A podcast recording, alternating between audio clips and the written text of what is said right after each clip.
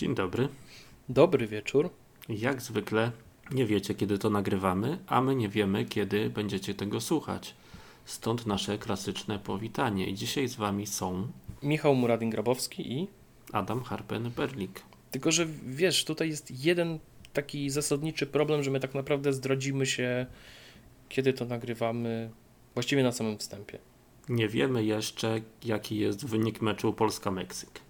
No nie, no dobra, okej. Okay. Trochę, trochę nie o tym myślałem, ale okej, okay, no niech tak będzie. Że, że, że, że tu chodzi o piłkę nożną. Nie, nie, nie. Dzisiaj to o piłce nożnej będzie mało, jeżeli nie wcale. To nie ten kanał, nie ten podcast. To nie jest ten kanał, tak. Ale tak czy inaczej, yy, no szybko się sprzedamy, bo akurat przed nagraniem dużo rozmawialiśmy o tym, że akurat w tym samym momencie mniej więcej pojawiają się dwie gry, które trochę klimatem są podobne, a jednak są zupełnie inne i to jest o tyle ciekawe, że nie wiem, czy to było zamierzone, czy nie, chociaż nadal sobie przypominam, że e, kiedyś pewne, w pewnym roku, a dokładnie to był chyba rok 2019, e, w tym samym momencie premierę miał God of War i Yakuza 6. I wtedy mówili o tym, że to jest Battle of Dads, nie? I pytanie że właśnie, czy to tak. przypadek, czy to tak miało być, bo Gungrave Gore też ma premierę dzisiaj, czyli 22 listopada. Tak, i nawet właśnie spadło embargo na recenzję i właśnie recenzja pojawiła się na gramie. I Evil West też ma premierę dzisiaj, a embargo spadło wczoraj wieczorem. Tak. Tak, tak, tak. Więc ogólnie rzecz biorąc, można powiedzieć, że to jest przypadek, nie sądzę, ale jak sobie patrzę cały czas na listę gier, yy, jaką mamy dzisiaj do rozpracowania, to mówię, że tak jak to powiedziałem, że samogęste dzisiaj, bo naprawdę jest dużo różnych gier do, do omówienia. A jak Harpen napisał mi kilka wiadomości, napisał na końcu, jak się uzewnętrznie, to. Oj, to może być ciekawy odcinek. Trochę te emocje od wczoraj ze mnie zeszły, ale prawda jest taka, że no, jest o czym rozmawiać dzisiaj. Nie w kontekście nawet samych e, tych dwóch gier i innych tytułów, ale też tego, jak podchodzimy do oceniania gier.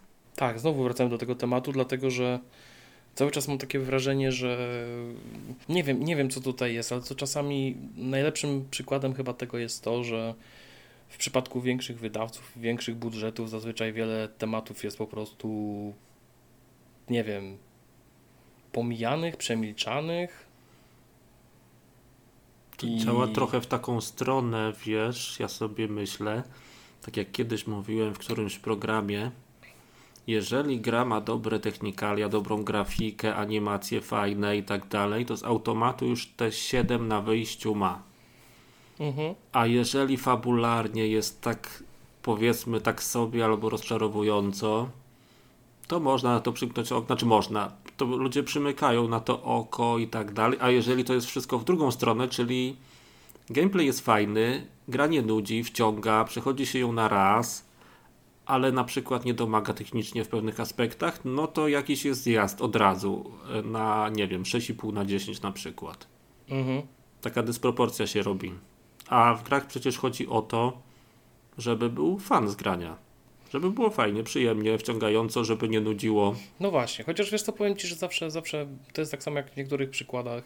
Zawsze mówię, że mm, kurczę, trochę szkoda, że muszę uciąć te punkty, to jest tak trochę jak z tym memem, z tym memem, e, z tym, tym, tym dzieckiem stojącym z pistoletem, nie? I że, że, że musi, ten, co musi ten, co płacze, tak, ten, tak? Ten, co płacze, tak, bo przykładowo taki był Dakar, także ja musiałem ująć punkty głównie za głupoty, yy, mimo że gra była naprawdę dobra i okej, okay, tam miejscami faktycznie technicznie nie domaga, ale całościowo, jeżeli chodzi o frajdę z jazdy i tak dalej, naprawdę jest jedną z lepszych gier wyścigowych w tym roku.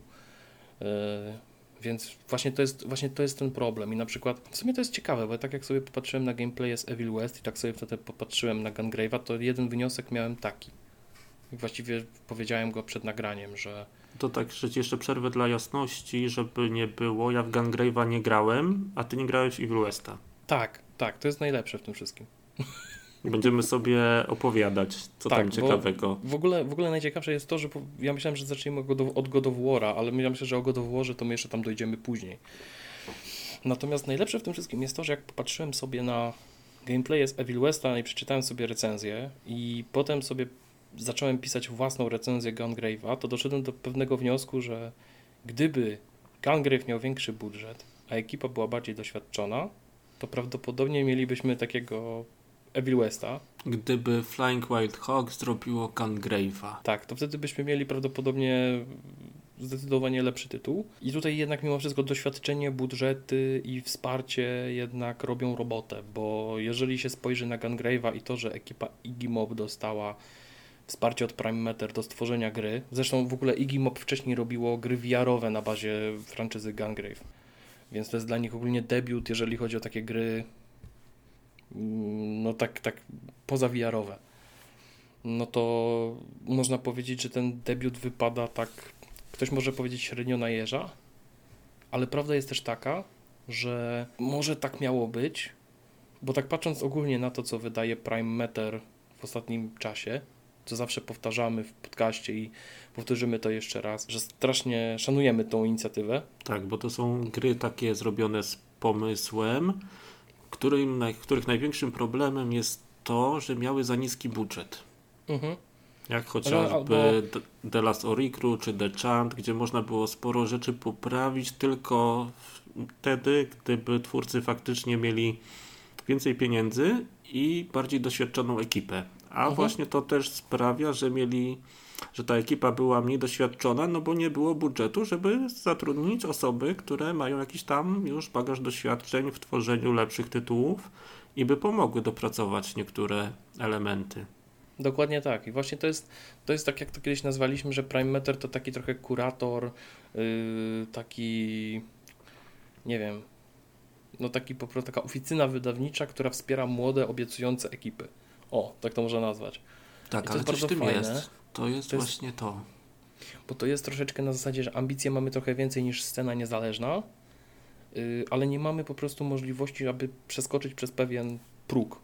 To też i... i jeszcze jedna kwestia jest taka w przypadku tytułów od Prime Matter, że e, wielkie korporacje typu EA, Ubisoft i tak dalej raczej nie dałyby zielonego światła na stworzenie takich gier jak The Last Oricru, czy właśnie The Chant, czy Gungrave nowy.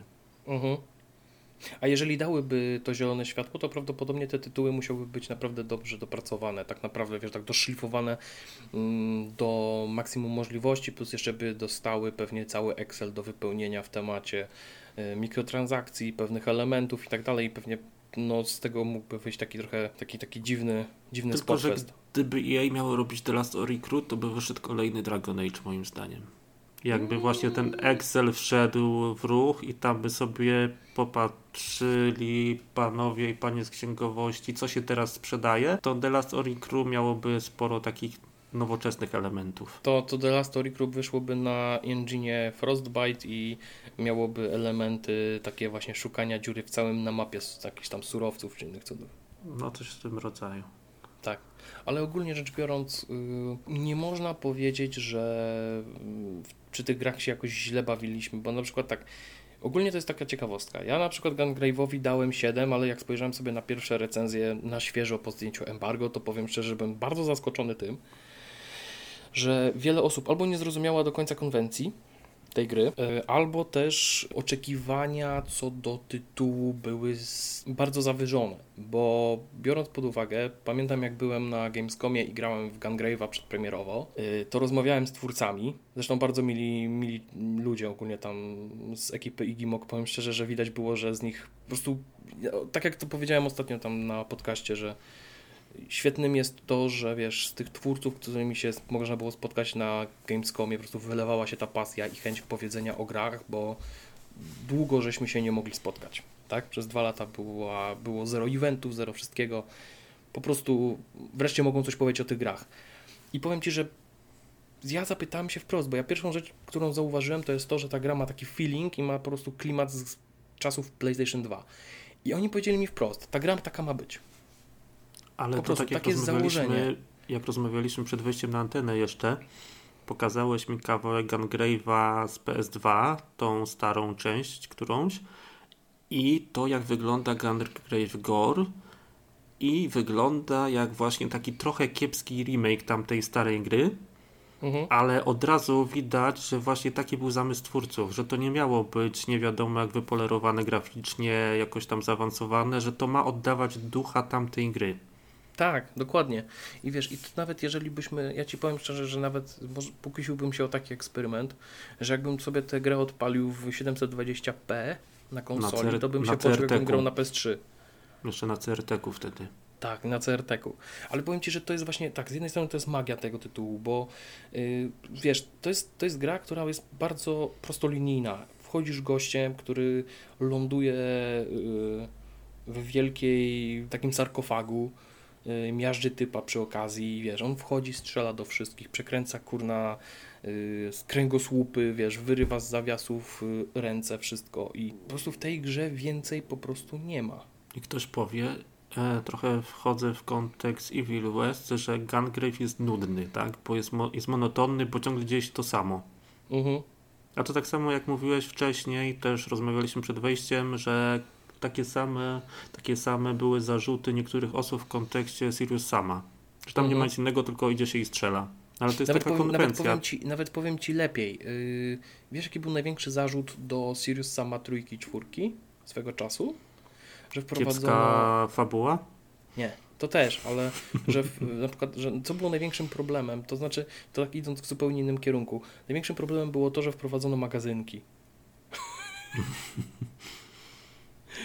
tak, bo, bo tam do Assault Rifle dodali magazynki, wiesz, i dla niektórych osób to był największy problem. No ale to że... akurat można zrozumieć, bo to zmienia gameplay trochę bardzo. No tak, no. Ogólnie wszystko, wiesz, było tak samo, ale wiesz, prowadzili magazynki i wszyscy od razu ola boga, grę mi niszczą. Ale wiesz, ale patrząc na Gungrave'a i patrząc na Evil West i tak sobie mówię, kurczę, te gry wyszły w tym samym momencie i faktycznie, no, Gungrave ok, jest tym takim troszeczkę uboższym bratem, chodzi w butach od Adi, Adi, Adica. A, od... Adidosa. Adi, Adidosa. I, I, wiesz, i to nie jest, to nie jest z tym żaden problem, bo ostatecznie y, jedna i druga gra właściwie w pewnych założeniach jest do siebie bardzo podobna. I wiesz, sam fakt tego, że mm, najlepsze w tym w Gungrave'ie w tym momencie jest to, że ja dopiero w tę grę nauczyłem się grać od połowy mhm. i doszedłem do wniosku, że wcale się nie powinno w tą grę grać na normalnym poziomie trudności, bo jest za trudno. I uwaga, tak, tu będzie słowo klucz, poziom trudności w grach komputerowych. I to wcale nie oznacza, że ta gra jest trudna, bo o Jezu, wymaga ode mnie jakichś tam ekwilibrystycznych sztuczek, wykorzystywania pewnych rzeczy, tylko po prostu mam takie wrażenie, że y, twórcy zrobili tę grę na zasadzie takiej, przejdź sobie najpierw grę na easy, całość, złap punkty doświadczenia, naucz się map, naucz się techniki, wróć potem jeszcze raz na początek mapy, tak, na początek całej gry, włącz tryb normal, zrób to samo, yy, już z lepiej wylewelowaną postacią, tak, zrobionymi, wiesz, demolition shotami i tak dalej, a potem przejdź jeszcze grę jeszcze raz na hardzie i tam już masz wyzwanie, tak, trochę jak postać wylewelowaną. Trochę jak z przechodzeniem Diablo 2 na coraz wyższych poziomach trudności. Tak, o, to jest, dobre, to jest dobre porównanie, tak, bo tak naprawdę dopiero zabawa zaczyna się na koszmarze, nie? Mhm. No. I to jest, i to jest, wiesz, i to jest bardzo fajne porównanie, bo naprawdę i, i ja myślę, że większość osób, które grały w Gungrave'a, prawdopodobnie weszły w temat na poziomie normal. I tak, ja też tam miałem momentami wrażenie, że to jest za dużo i czegoś mi tam brakuje. Prawdopodobnie brakuje mi mocy. Yy, I potem się okazało, że faktycznie przeciwnicy yy, na wyższym poziomie trudności, przynajmniej bossowie, jak zobaczysz sobie różnicę między yy, liczbą życia bossów na poziomie easy a normal, to jest niebo a ziemia. To jakbyś przeskoczył z poziomu easy na poziom hard. Mhm. I to jest, to jest, wiesz, to są głupoty, które faktycznie mogą wpływać na to, że ocena Gungrave'a jest taka, jaka jest, ale też z drugiej strony wychodzę z założenia, że da się to w bardzo prosty sposób po prostu yy, wyrównać. I, I to właśnie w tym momencie, gdyby wiesz, twórcy otwarcie powiedzieli, słuchajcie, zacznijcie grać na easy, bo tak się w tę grę powinno grać, to ja myślę, że większość graczy by pewnie ich wyśmiała. Na zasadzie co, ja nie dam rady i odpala ja, na hardzie a potem się, Tak, a potem się okazuje, że wykładasz się na pierwszym bosie. A jeszcze a propos Gungrave'a, tak jak mówiłeś, że w tej grze dosłownie nie ma nic poza chodzeniem i strzelaniem, to tak chciałem No przepraszam, sorry. Sorry, czasami jest skakanie, tylko tutaj umówmy Okej. się na jed, jedna rzecz.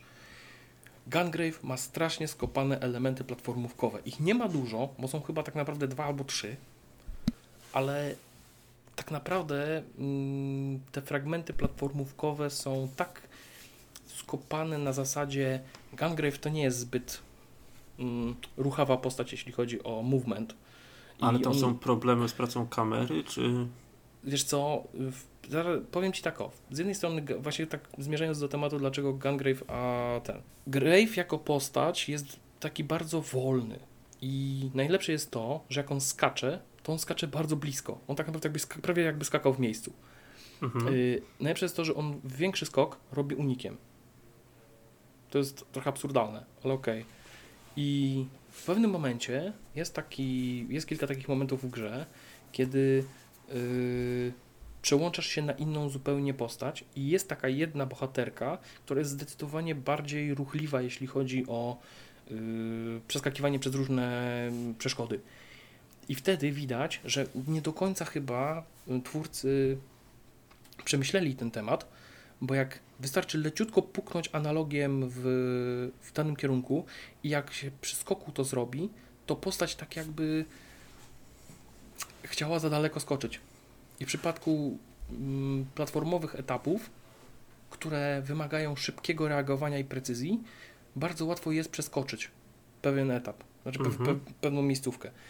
I to jest właśnie to, że prawdopodobnie nie zostało to w żaden sposób jakoś wyrównane. I to też widać w przypadku yy, ogólnie walki innymi bohaterami, tak? Bo oni mają też troszeczkę inne zestawy umiejętności, troszeczkę inaczej strzelają.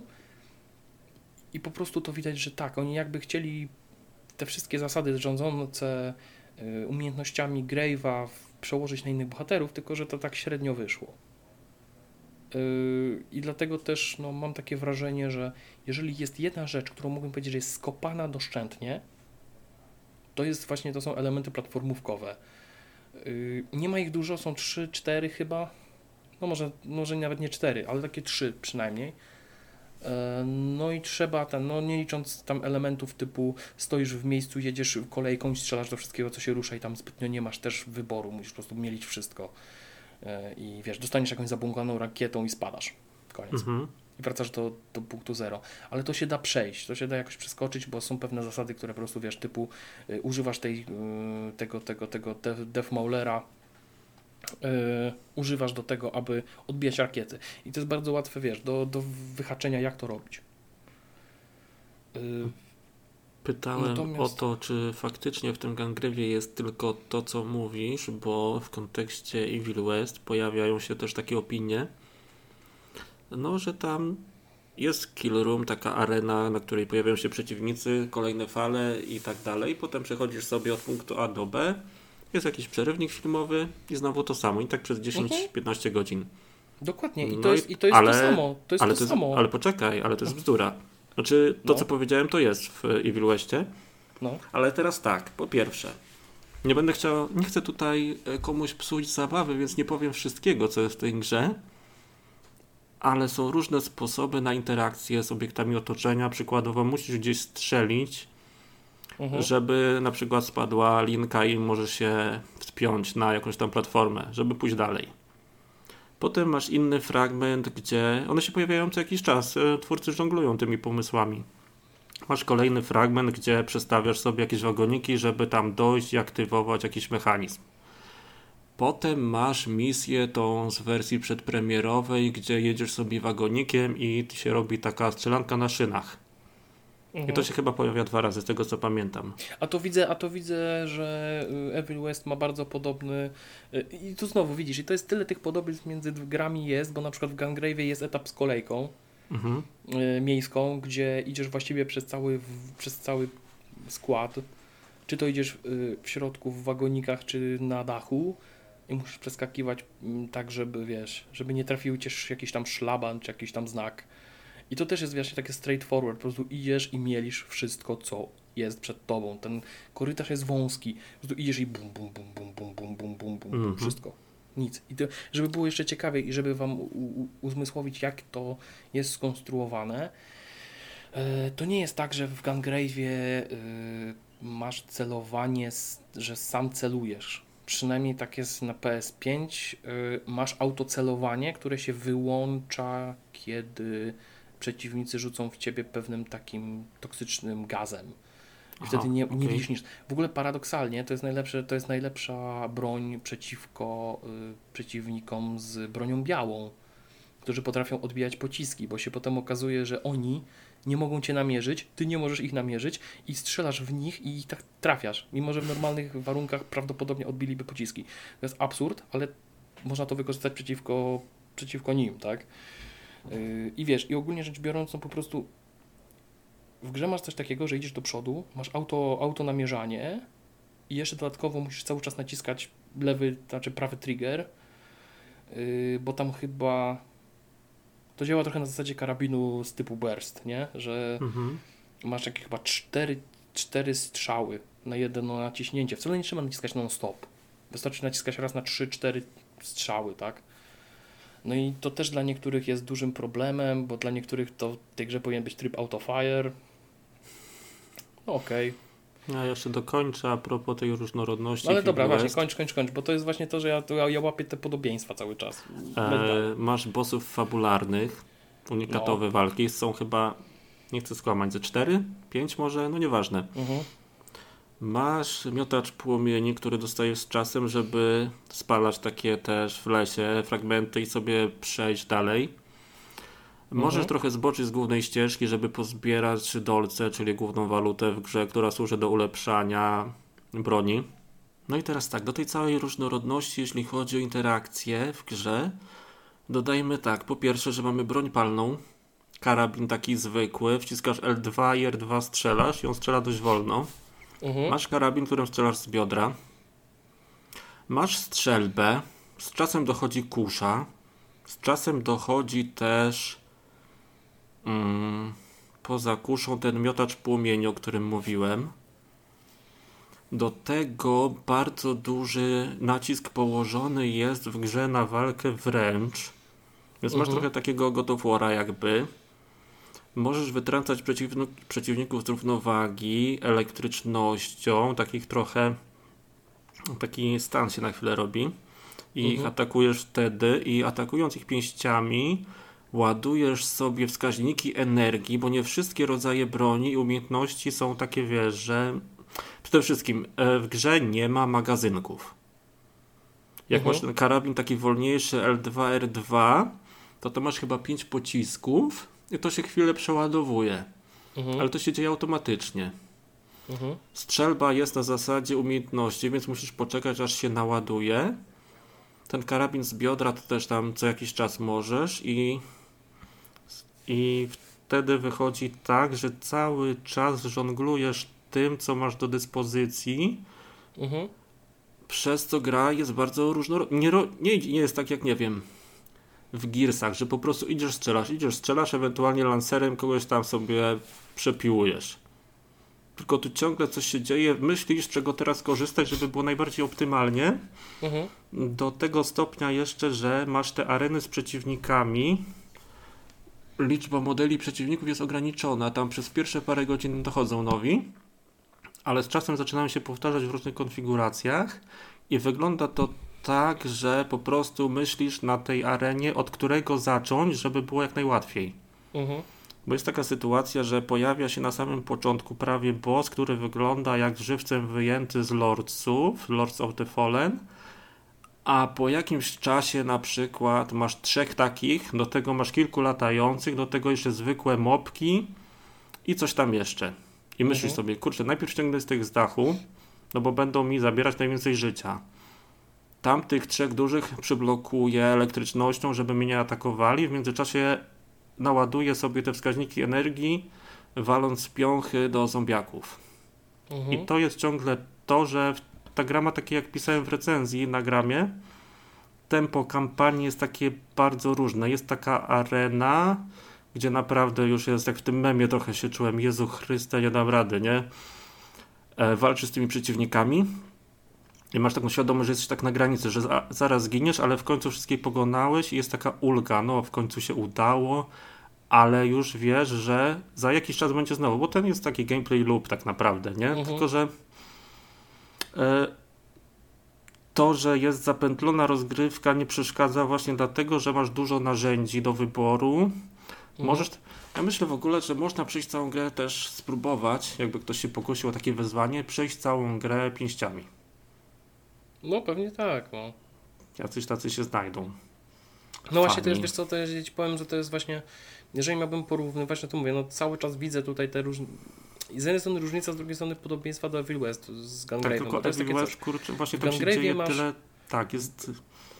Masz na przykład to, że w Gungrave'ie y, no nie masz wielu typów broni, masz tak naprawdę tylko Cerberusa, czyli te dwa pistolety i masz Dead, y, Death Howlera, czyli tego, czyli tę taką wielką skrzynkę, którą nosi ze sobą z tyłu.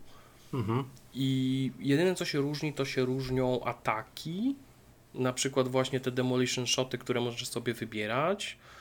Mm, I możesz sobie wybierać je tam powiedzmy w zależności od tego jak rozwijasz swoją postać, bo mamy coś na zasadzie lab, to się nazywa lab i tam możesz sobie wybierać umiejętności tak jak troszeczkę jak w stylu Devil May Cry. I masz powiedzmy na przykład na początku masz wszystkie te umiejętności, po, które są tam powiedzmy za jeden punkt, tak? Bo tam ładujesz sobie taki pasek, który ci po prostu daje ci dodatkowo te demolition shoty. Mhm. Mm, Co ciekawe, na przykład najłatwiejszym sposobem na naładowanie tego paska jest y, wykorzystywanie ataków tych, tych, tych y, baraż, które po prostu masz po 50 atakach, tak, w wystrzelonych pociskach tam przeciw, przeciwników, możesz stanąć między nimi i po prostu, wiesz, zrobić coś takiego na zasadzie gunkaty z filmu Equilibrium, nie wiem czy kojarzysz. Mm-mm. No to on tam jest, taki, jest taka scena, kto tam kojarzy ten film, to pewnie będzie łatwiej. E, Jak Christian Bale wskakuje do pokoju i po prostu macha pistoletami, raz, dwa, trzy, cztery, on po prostu strzela do wszystkich. No i właśnie ten Grave może zrobić to samo, tylko że to jest też również najlepszy sposób na naładowanie właśnie tych demolition shotów, ponieważ strzały i trafienia y, wpadają o wiele szybciej. I są takie momenty, kiedy na przykład musisz naładować sobie dwa pociski do tego demolition shota, żeby wykonać na przykład jedną kombinację, która jest zdecydowanie mocniejsza tak, niż, niż inne. Yy, masz też tam jakąś wiesz, możliwość tam wykorzystywania wiesz, takiego właśnie miotacza płomieni, tak, że na, na bliski dystans, jakieś tam wiesz, coś na zasadzie chain guna, tak. Yy, tylko to wszystko wiąże się tylko i wyłącznie z tym, że musisz mimo wszystko, wiesz, naładować ten pasek tam z 2-3 razy, no i wtedy możesz te mocniejsze ataki wykorzystywać. Yy, No i niestety, tak jak ty mówisz, na przykład, że można się pokusić o przejście gry pięśćmi, no to w Gungrave'ie raczej byś tego nie zrobił. No, tak właśnie mi się wydaje. Bo mimo, że tam czasami przeciwnicy zeskakują do ciebie z wyższych pozycji, to mimo wszystko jednak y, są takie miejsca, do których przeciwnicy, z których przeciwnicy się po prostu nie ruszają, jakby nawet chcieli, jakby nawet chcieli, nie? I motyw, motyw jest taki, że no po prostu trzeba do wszystkiego strzelać, nawet jeśli powiedzmy lokon nie trafia, nie łapie ci, to musisz i tak Mhm. znaleźć jakiś kąt, w którym musisz do niego, tam w niego trafić tak idealnie. To mi przypomina jeszcze sytuację z Evil West a propos przeciwników, którzy są na dachach jakichś budynków albo trochę niżej. Mhm. Poza takim zasięgiem e, bohatera, że nie jesteś w stanie ich pięściami rozwalić na początku. Właśnie Mhm. chyba nie da, się, nie da się jednak chyba pięściami przejść, bo niektórzy przeciwnicy są poza zasięgiem. Mhm. Ale zmierzam do tego, że nie wiem, czy pamiętasz, na pewno pamiętasz zabójstwa chwały w Dumie. Mhm. To tutaj jest ten sam mechanizm, że przeciwnicy się robią, właśnie taka poświata się robi i jak ci przeciwnicy z dachu zostaną ściągnięci przez gracza, Mhm. to wtedy oni z tego dachu jakby zeskakują, że możesz ich pięściami dobyć i dzięki temu na przykład doładujesz sobie trochę e, życia. Mhm. Ale to wiesz co, to jest to samo, to właśnie też w Gungrave jest ten system, gdzie na przykład właśnie wykorzystywanie demolition shotów y, regeneruje ci życie, Mhm. y, a robienie finisherów na przeciwnikach, czy to takich, wiesz, z bliskiej odległości, czy takich, że widzisz gościa, że on tam się, wiesz, chwieje, bierzesz sobie tam z takiego grappling hooka, nie rzucasz, pyk, przyciągasz go, normalnie get over here, puf, nie ma gościa, to ci regeneruje jakąś tam część tarczy. I właściwie można powiedzieć, że większość gameplayu, y, jeżeli chodzi o wytrzymałość Gungrave'a, opiera się na tarczy, która się po pierwsze sz- czasami szybko regeneruje, a po drugie jest y, zdecydowanie łatwiejsza do regeneracji niż życie, gdzie po prostu masz te demolition shoty raz na jakiś czas i w zależności od szczęścia, wiesz, możesz za, zastosować taktykę. Albo użyję jakiegoś tańszego demolition shota, żeby się trochę odle odleczyć, albo po prostu zrobię tak, że poczekam na ten cięższy, a więcej zapakuję tam powiedzmy w tą regenerację tarczy, bo będzie to lepiej działało. Czyli mimo, że tak e, założenia gameplayowe są dość proste w Gangrave'ie, to kombinowania też jest dość sporo. Tak, tym bardziej, że tych przeciwników jest czasami dużo. Oczywiście też widziałem takie mm, zarzuty w temacie różnorodności przeciwników i tak, no mimo wszystko tych przeciw, ci przeciwnicy nie są aż tak różnorodni, jak niektórzy mogą myśleć, ale z drugiej strony, tak sobie pomyślałem, że wiesz, biorąc pod uwagę, że oni głównie się różnią kolorem pancerzyka i dzierżoną bronią, yy, tak wiesz, im dalej w las, tym tych przeciwników jest więcej, tych typów przeciwników również jest więcej. I był taki jeden przeciwnik, o którym też Ci mówiłem przed wejściem tutaj na antenę, można powiedzieć, że pojawił się taki przeciwnik z railgunem, który grał rolę snajpera. I jeżeli miałbym powiedzieć, który typ przeciwnika najwięcej problemów mi stworzył, to tylko i wyłącznie ten. I to nie dlatego, że ich było dużo, czy też, nie wiem, był w dziwnych miejscach. Tylko to, że w ferworze walki, kiedy masz całą masę różnych przeciwników do pokonania, musisz się skupić na eliminacji tego jednego, a ten jeden nie dość, że zdejmuje ci praktycznie 90% tarczy, to jeszcze jak drugi raz ci przyładuje, a on się przeładowuje bardzo szybko, to ci praktycznie zdejmie też połowę życia przy kolejnym ataku. Więc trzy strzały i po typie. A, go, a możesz mieć naprawdę dobrze rozwiniętą postać. To jest, to jest postać, która. E, znaczy, to jest przeciwnik, który tak naprawdę idealnie wykorzystuje słabości Gungrave'a, tak? Mhm. Jakby tak nie, jakby, jakby nie patrzeć. I to samo masz, wiesz, z różnymi rakietnicami, tak? Są naprowadzane, są y, takie zwykłe, tak, co gościu strzela z czterech rakiet jednocześnie. Możesz je odbijać, te rakiety wszystkie. Y, są wieżyczki, które też atakują cię z konkretnymi, y, konkretnymi rakietami, tak, tymi naprowadzającymi. Są przeciwnicy z jakimiś tam miotaczami płomieni, są, są przeciwnicy z ciężkimi karabinami są ci ninja, tak, są jacyś tam z shotgunami, są ci, jest ich cała masa, ich jest dużo, trochę jakbyś, właśnie to jest to, o czym rozmawialiśmy, że to jest trochę podobne do Diablo, to powiem szczerze, że momentami można się czuć, jakbyś grał w Diablo. Jest tyle różnych mobów, a w pewnym momencie nawet, yy, tuż w ostatnich tych końcowych etapach, miałem wrażenie, że tych przeciwników leci tak gdzieś 60 sztuk, i wszyscy ci lecą na mnie tylko po to, żeby mnie okrążyć, żebym ja nacisnął kombinację, która pozwala na wykorzystanie tego e, Death Howlera do zrobienia takiej kombinacji, która właściwie ich wszystkich zmieli praktycznie w Tatara. Nie? I wiesz, nie dość, że ci to daje dużo punktów tego art style, to jeszcze masz taką satysfakcję w stylu rozwaliłem właśnie 30 ciężkiego chłopa za pomocą jednego ataku. No to w Masz ten aż... taki mem z tym gościem, co tak się trzyma za policzki. Serio, i to jest aż, fajne. Aż tak nie, ale to mi przypomniało, że Railgun też jest czasem, można odblokować i też jest na zasadzie takiej broni, która się po prostu e, powiedzmy wyładowuje. Musisz poczekać tam ileś, kilkadziesiąt mhm. sekund, żeby móc z niej skorzystać. Mhm. I masz też odbijanie ciosów rękawicą, więc ci latający przeciwnicy wypuszczają, nie pamiętam co oni tam wypuszczali, ale lecą w swoją stronę chyba takie czaszki, trochę mhm. jak na Logariusie w Bladbornie, nie wiem czy kojarzysz. No kojarzę, pamiętam. Tak, to coś takiego i też odbijasz te ciosy. I jeszcze wracając do tego zwiedzania pobocznych ścieżek w Evil West, oprócz tych dolców, o których wspomniałem, mhm. masz na przykład przed areną, z, przed arenami z niektórymi bossami coś takiego, że mhm. tymczasowo dostajesz podwójny pasek życia. Mhm to już wiesz, że będzie grubo za chwilę. Ale to jest fajne. Ale wiesz co, i właśnie ja właśnie dlatego, dlatego ja wychodzę. Yy, ja wiesz, ja wychodzę, ja wychodzę z takiego założenia, że po prostu yy, to niby, wiesz, to jest, najlepsze jest to, że właśnie tak jak mówię, spojrzałem sobie na y, przegląd Twittera przed nagraniem i bardzo ciekawe jest to, że wszyscy, wszyscy patrzą na te, na te obie gry z tego samego punktu, czyli właściwie one są do siebie w wielu elementach bardzo podobne, mimo że się różnią pewnymi, wiadomo, mechanikami, podejściem i tak dalej. ale one są do siebie bardzo podobne i cały czas nie mogę się pozbyć tego wrażenia, że gdyby nieco bardziej doświadczona ekipa zabrała się za Gungrave'a, to prawdopodobnie dostalibyśmy zdecydowanie lepszą grę w ostatecznym rozrachunku. Yy, a, a może na pewno, na pewno taką, która lepiej by wykorzystywała pewne elementy i pewne atuty tego świata, bo na przykład mm, animacje stworzone na podstawie CGI, zresztą kto widział zwiastun Gungrave Gore, to wie jak to wyglądało.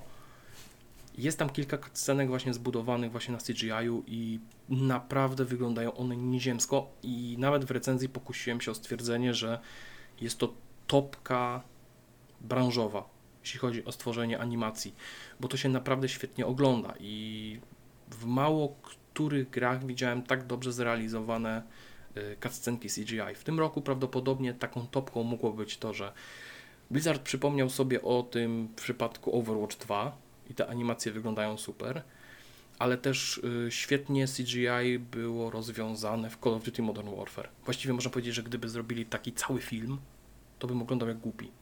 I to jest to samo w Gungrave'ie. Pytanie tylko, czy w Gungrave'ie takie właśnie CGI, takie z najwyższej półki pasowałoby do całej tej koncepcji gry, która ma przypominać RSPS2. Oj, powiem Ci, żeby pasowało, bo właśnie obok, obok tych cutscenek z CGI pojawiają się też cutscenki z pojawiają się cutscenki z perspektywy silnika gry.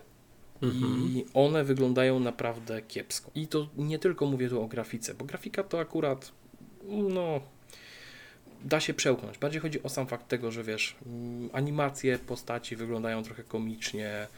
Yy, że tak naprawdę o dziwo na przykład animacja zwalnia. Tam jest taki fragment, kiedy jeden z bohaterów przeskakuje przez dym. Ja pierwszy raz w, w życiu widziałem, aby cutscenka CGI-owa zwolniła do 10 FPS-ów. Serio. W sensie no, na, zbudowana na silniku gry.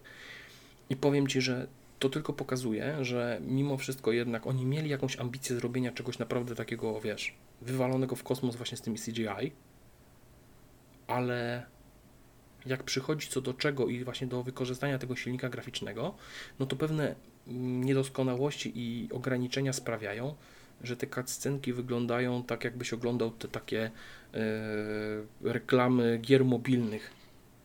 Takie, co są takie skamowe, nie? Mhm.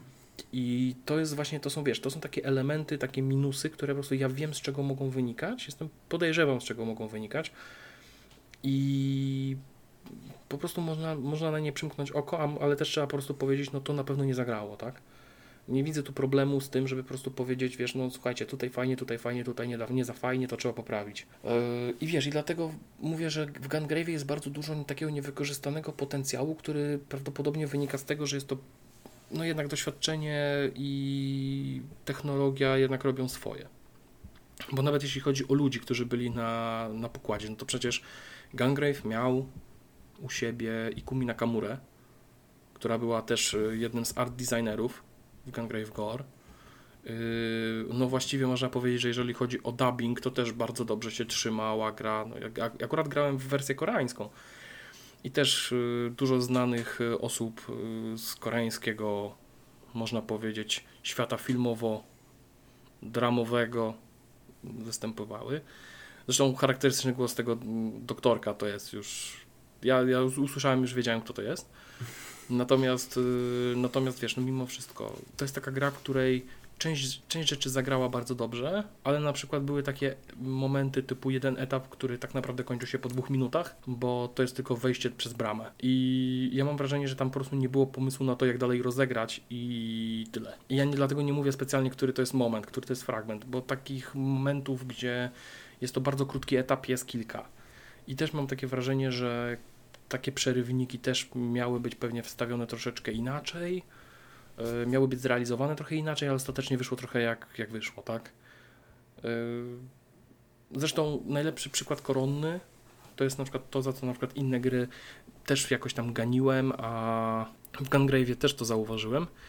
To jest to, że na przykład jeden boss powtarza się trzy razy i różni się tak naprawdę kolorem i trochę umiejętnościami.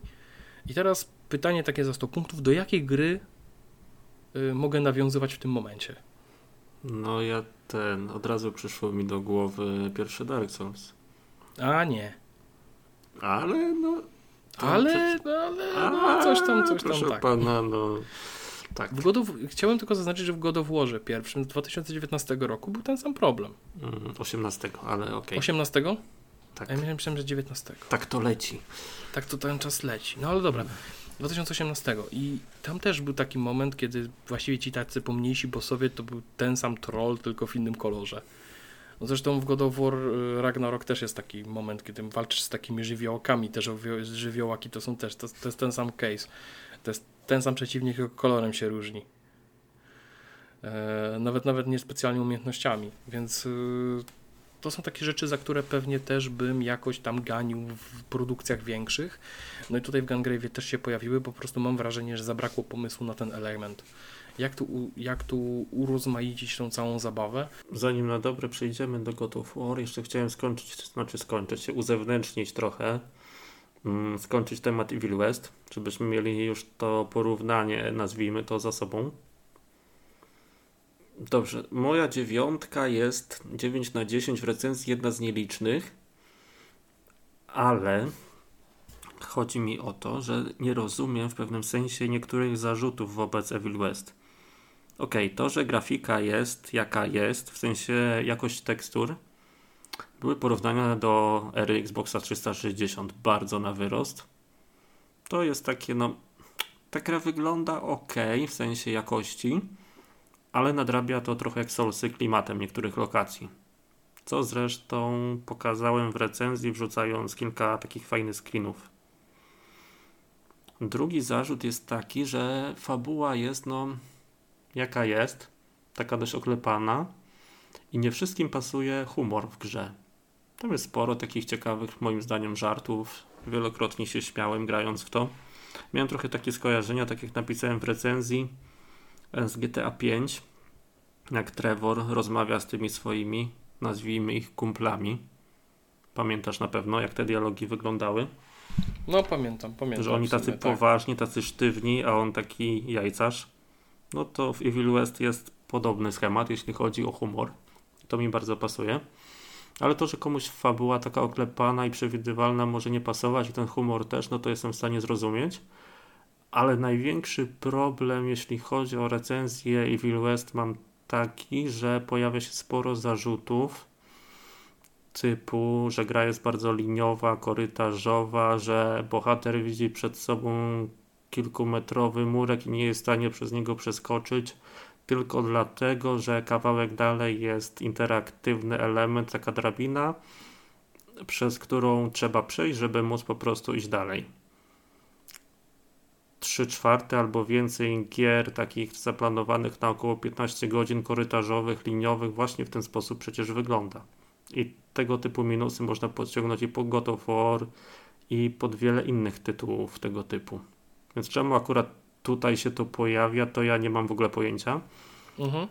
Tym bardziej, że mamy przecież tegoroczną grę, która jest nominowana na gali Game Awards, która będzie w grudniu do nagrody Gra Roku, A Plague Tale Requiem i tam jest taka, tam jest taki, od razu powiem, że nie przeszedłem całej. Przeszedłem chyba 5 etapów z 15 czy z 17. Tam lokacje są podzielone na części na takiej zasadzie, że nie możesz wrócić do poprzedniej, bo bohaterowie zamknęli za sobą drzwi, uciekając przed przeciwnikami albo zabijając ich tam po drodze. Mhm. I w Evil West jest to samo. W sensie lokacje też są podzielone. Jak już gdzieś szedłeś, no to się okazuje, że już nie możesz wrócić. No i to jest normalne przecież w tego typu grach. Mhm. I czemu ktoś to wymienia jako minus, to nie mam absolutnie żadnego pojęcia zielonego. A powiem ci, a powiem ci, że wiesz, y, z jakiego powodu dla mnie osobiście y, największy. Dlaczego tak naprawdę nie podobał mi się Wiedźmin 2 y, Zabójcy Królów? Bo jednym z systemów, które miały w jakiś tam sposób y, podzielić, żeby to, wiesz, ta gra nie, nie atakowała swoim ogromem, było to, żeby, wiesz, było dużo drzwi. Mhm. I, I w ostatnim akcie, jak trafiasz tam do te, tam z, z roszem gdzieś tam, Już teraz nie pamiętam gdzie, ja przyznam się No zupełnie to szczerze, potem się z tym, z tym łysym się walczyło chyba. Tak, tylko nie chodzi o ten zamek. Tam Mhm. było tyle drzwi, które przeładowywały lokacje, że już miałem tego dość. I już nie wróciłem. Ja ogólnie nie skończyłem Zabójców Królów, bo miałem już po prostu serdecznie dość otwierania i zamykania. Zabój, zabójcy królów cię zabili drzwiami. Tak, tak. To jest, to jest o tyle śmieszne, że ja naprawdę, ja naprawdę zawsze miałem takie wrażenie, że yy, to jest ten taki efekt, że ja myślałem, że tę grę przeszedłem, ale nie przeszedłem, bo rzuciłem ją w cholerę. Ale właśnie a propos God of War, Plague Tale i wielu tego typu innych Uncharted, The Last of Us, nie wiem co tam jeszcze mogę przytoczyć za tytuły, ale ja to nazywam trochę takimi grami, że musisz wpaść na to, co mieli na myśli twórcy. Mhm. Bo nie ma innego rozwiązania. W God of War no, musisz dokładnie zrobić to, co jest zaplanowane. Nie ma żadnej Mhm. alternatywy, żadnej dodatkowej ścieżki. To nie jest otwarty świat na takiej zasadzie jak w Wiedźminie 3, że możesz sobie wybrać, jak rozwiązać dany problem. Jasne, tam też są przecież różne ograniczenia i ta gra jest w pewnym sensie liniowa, no, ale Mhm. jednak czujesz, że przez to, choćby przez to, że świat jest otwarty, no to masz większe pole manewru. Nie idziesz jak po sznurku. Ale ktoś jak uruchamia strzelankę, kupuje sobie Evil West albo chociażby Duma też, no to wie, że tam będzie od A do B. Mhm. To dlaczego taki zarzut, że gra jest liniowa, że przestarzała archaicznie gameplayowo, że to powinno inaczej wyglądać? Kompletnie nie jestem w stanie tego zrozumieć. Ale wiesz co, yy, to ja ci powiem, że tak troszeczkę z innej mańki, ale też pokazują dwa trochę skrajne tematy. Z jednej strony z jakiegoś powodu mam wrażenie też w, dzięki temu wymarło, yy, znaczy wym, wymarł gatunek tych tak zwanych celowniczków szynowych, nie? Mhm. Mm, bo przyznam się zupełnie szczerze, ostatnio oglądałem sobie gameplaye z Virtua Cop 2, w które się Mm. zagrywałem jak głupi, jak byłem mały. I doszedłem do wniosku, że mi strasznie brakuje właśnie gier, właśnie takich prostych, gdzie się liczy zręczność i arcade'owość. I kiedyś, jak powstała gra, yy, to był ten, ten Rambo, jeżeli dobrze kojarzysz, to wszyscy na tę grę patrzyli właśnie z perspektywy. Ale ten nowszy, ten polski? Tak, Okej. to wszyscy patrzyli na tę grę z perspektywy tego, że to nie jest FPS, że to nie jest, wiesz, taka gra, że chodzisz Rambo po jakimś terenie i rozwalasz. O, bo to jest tylko rail shooter. No koniec końców, wiesz co, to jako rail shooter. Y, Okej, no może ta gra nie domagała w jakichś tam kwestiach, ale mimo wszystko jednak jako rail shooter sprawiała jakieś tam wrażenie, nie? E, I wiesz, i tak samo na przykład ja myślę, że gdyby ktoś wpadł na pomysł na zrobienie na przykład nowego Virtua Copa albo nowej części House of Dead, tak? House of the Dead. Ja myślę, że prawdopodobnie wiele osób by marudziło na to, że nie ma tu, nie ma, wiesz, że jest liniowo, że te wybory są takie, no, jakie są, że to się kończy tylko w jeden konkretny sposób. Pewnie takie, już takie rzeczy, wiesz, już przespaliśmy, nie? Można Ale to powiedzieć. trzeba właśnie brać pod uwagę to przed ocenianiem, jaka była konwencja, jaki był pomysł. Oczywiście. Ale teraz, teraz tak na drugą nóżkę ci powiem, że na przykład dla mnie największym minusem w Call of Duty Modern Warfare 2 były etapy z otwartym, takim półotwartym światem. Bo o To ile właśnie Call chciałem of do Duty, tego zmierzać, ale w przypadku innej gry.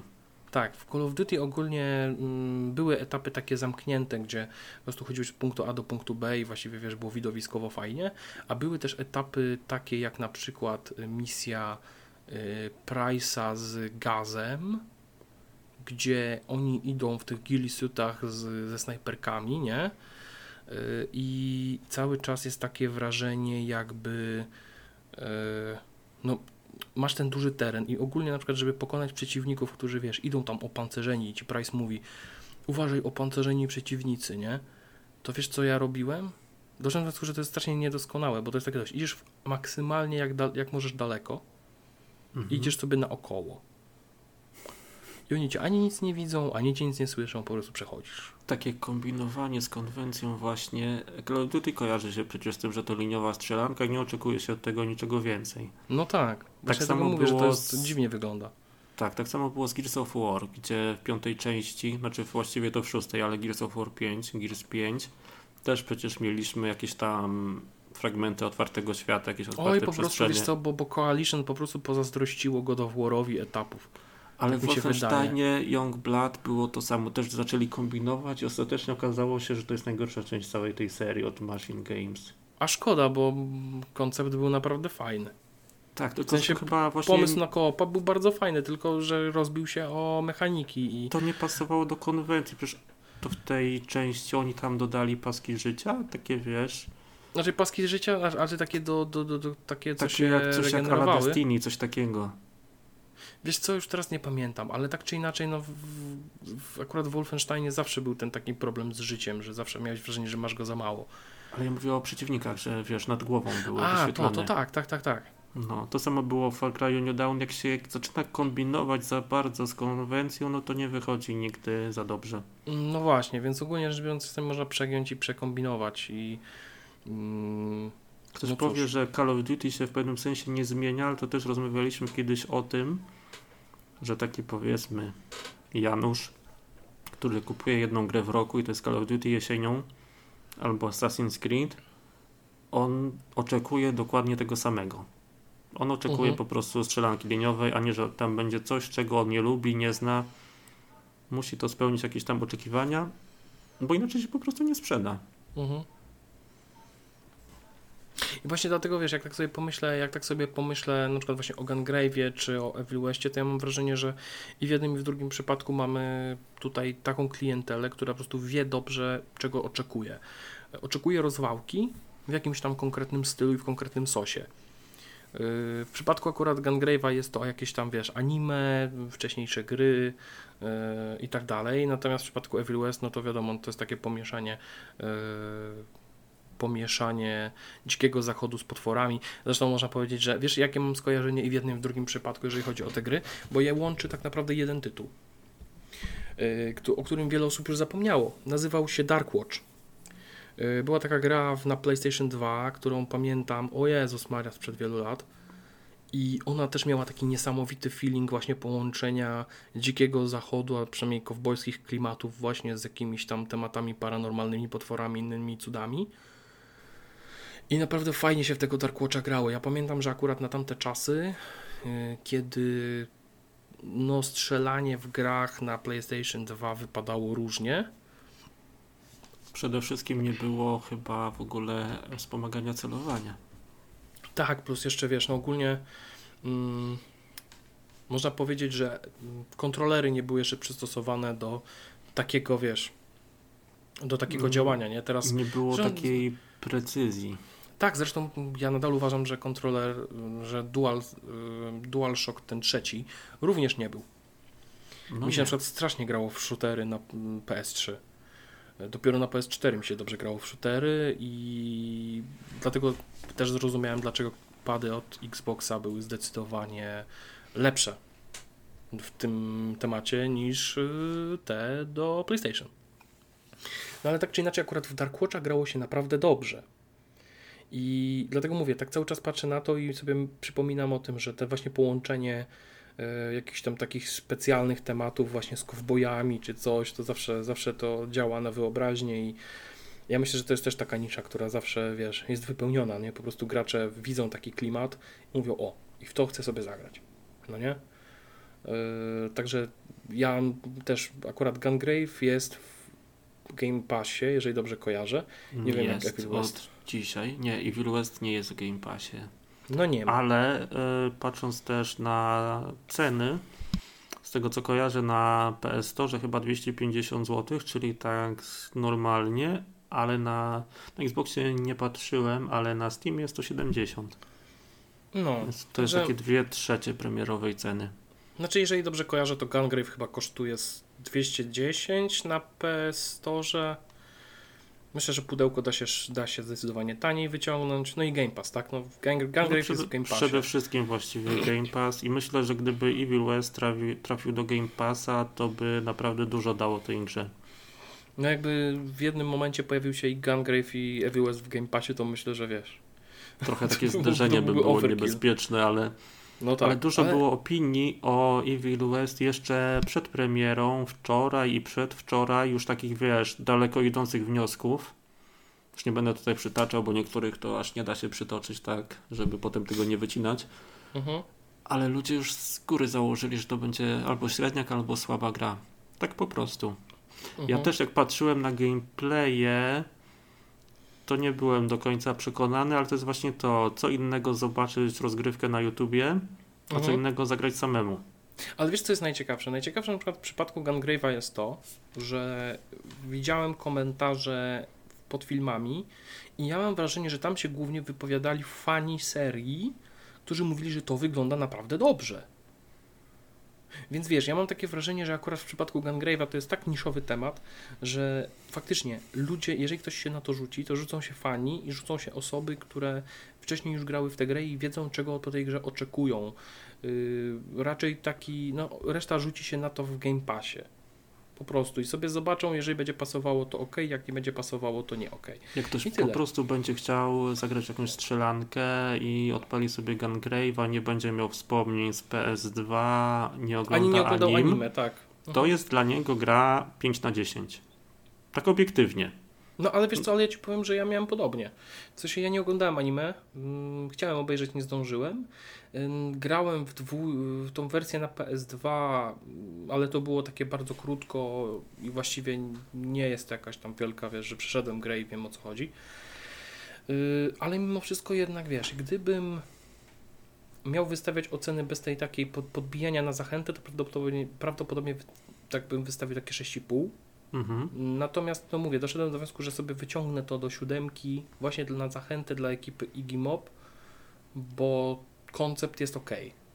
Pomysł No ja ok, dałem, tylko... ja dałem Evil West 9 głównie dlatego, że bardzo, naprawdę bardzo dobrze mi się w to grało i tak jak mówiłem już wcześniej, przeszedłem to praktycznie na raz. Mhm. I może byłem w takim momencie, że potrzebowałem takiej rozwałki. O, widzę, że to mamy podobnie, bo ja, ja właściwie też jak wróciłem wtedy do, do, y, do domu i e, była właśnie informacja, że już, już jest kod do, do recenzji, to powiem szczerze, że odpaliłem i usiadłem i nie mogłem się oderwać przez jakieś 4 godziny. Y, I chyba też tego potrzebowałem. Ja pewnie ogólnie nie zarywam nosek dla gier, bo nie mam kiedy odesłać potem. Mhm. Ale gdybym Evil West zaczął rano, to ja go Mhm. pewnie wieczorem skończył tak naprawdę dosłownie na raz. A tak wyglądało to w ten sposób, że wieczorem zacząłem, trochę pograłem i potem dalej od rana. No tak, ale to wiesz co, to ja ci powiem to tak łącząc tematy. E, bo tak idziemy teraz do tematu God of War. I oh, w sumie to nie wiem od czego zacząć, ale zacznijmy od tego, że właściwie ostatni odcinek y, podcastu, y, który nagraliśmy, tworzył się właściwie w trybie ekstremalnie szybkim, bo właściwie w momencie, kiedy skończyłem montować i wrzuciłem już wszędzie, żeby publikacja była na następny dzień, to się zbieraliśmy właśnie na premierę God of War'a e, w Złotych Tarasach i przyznam się zupełnie szczerze, że naprawdę robiło to wrażenie.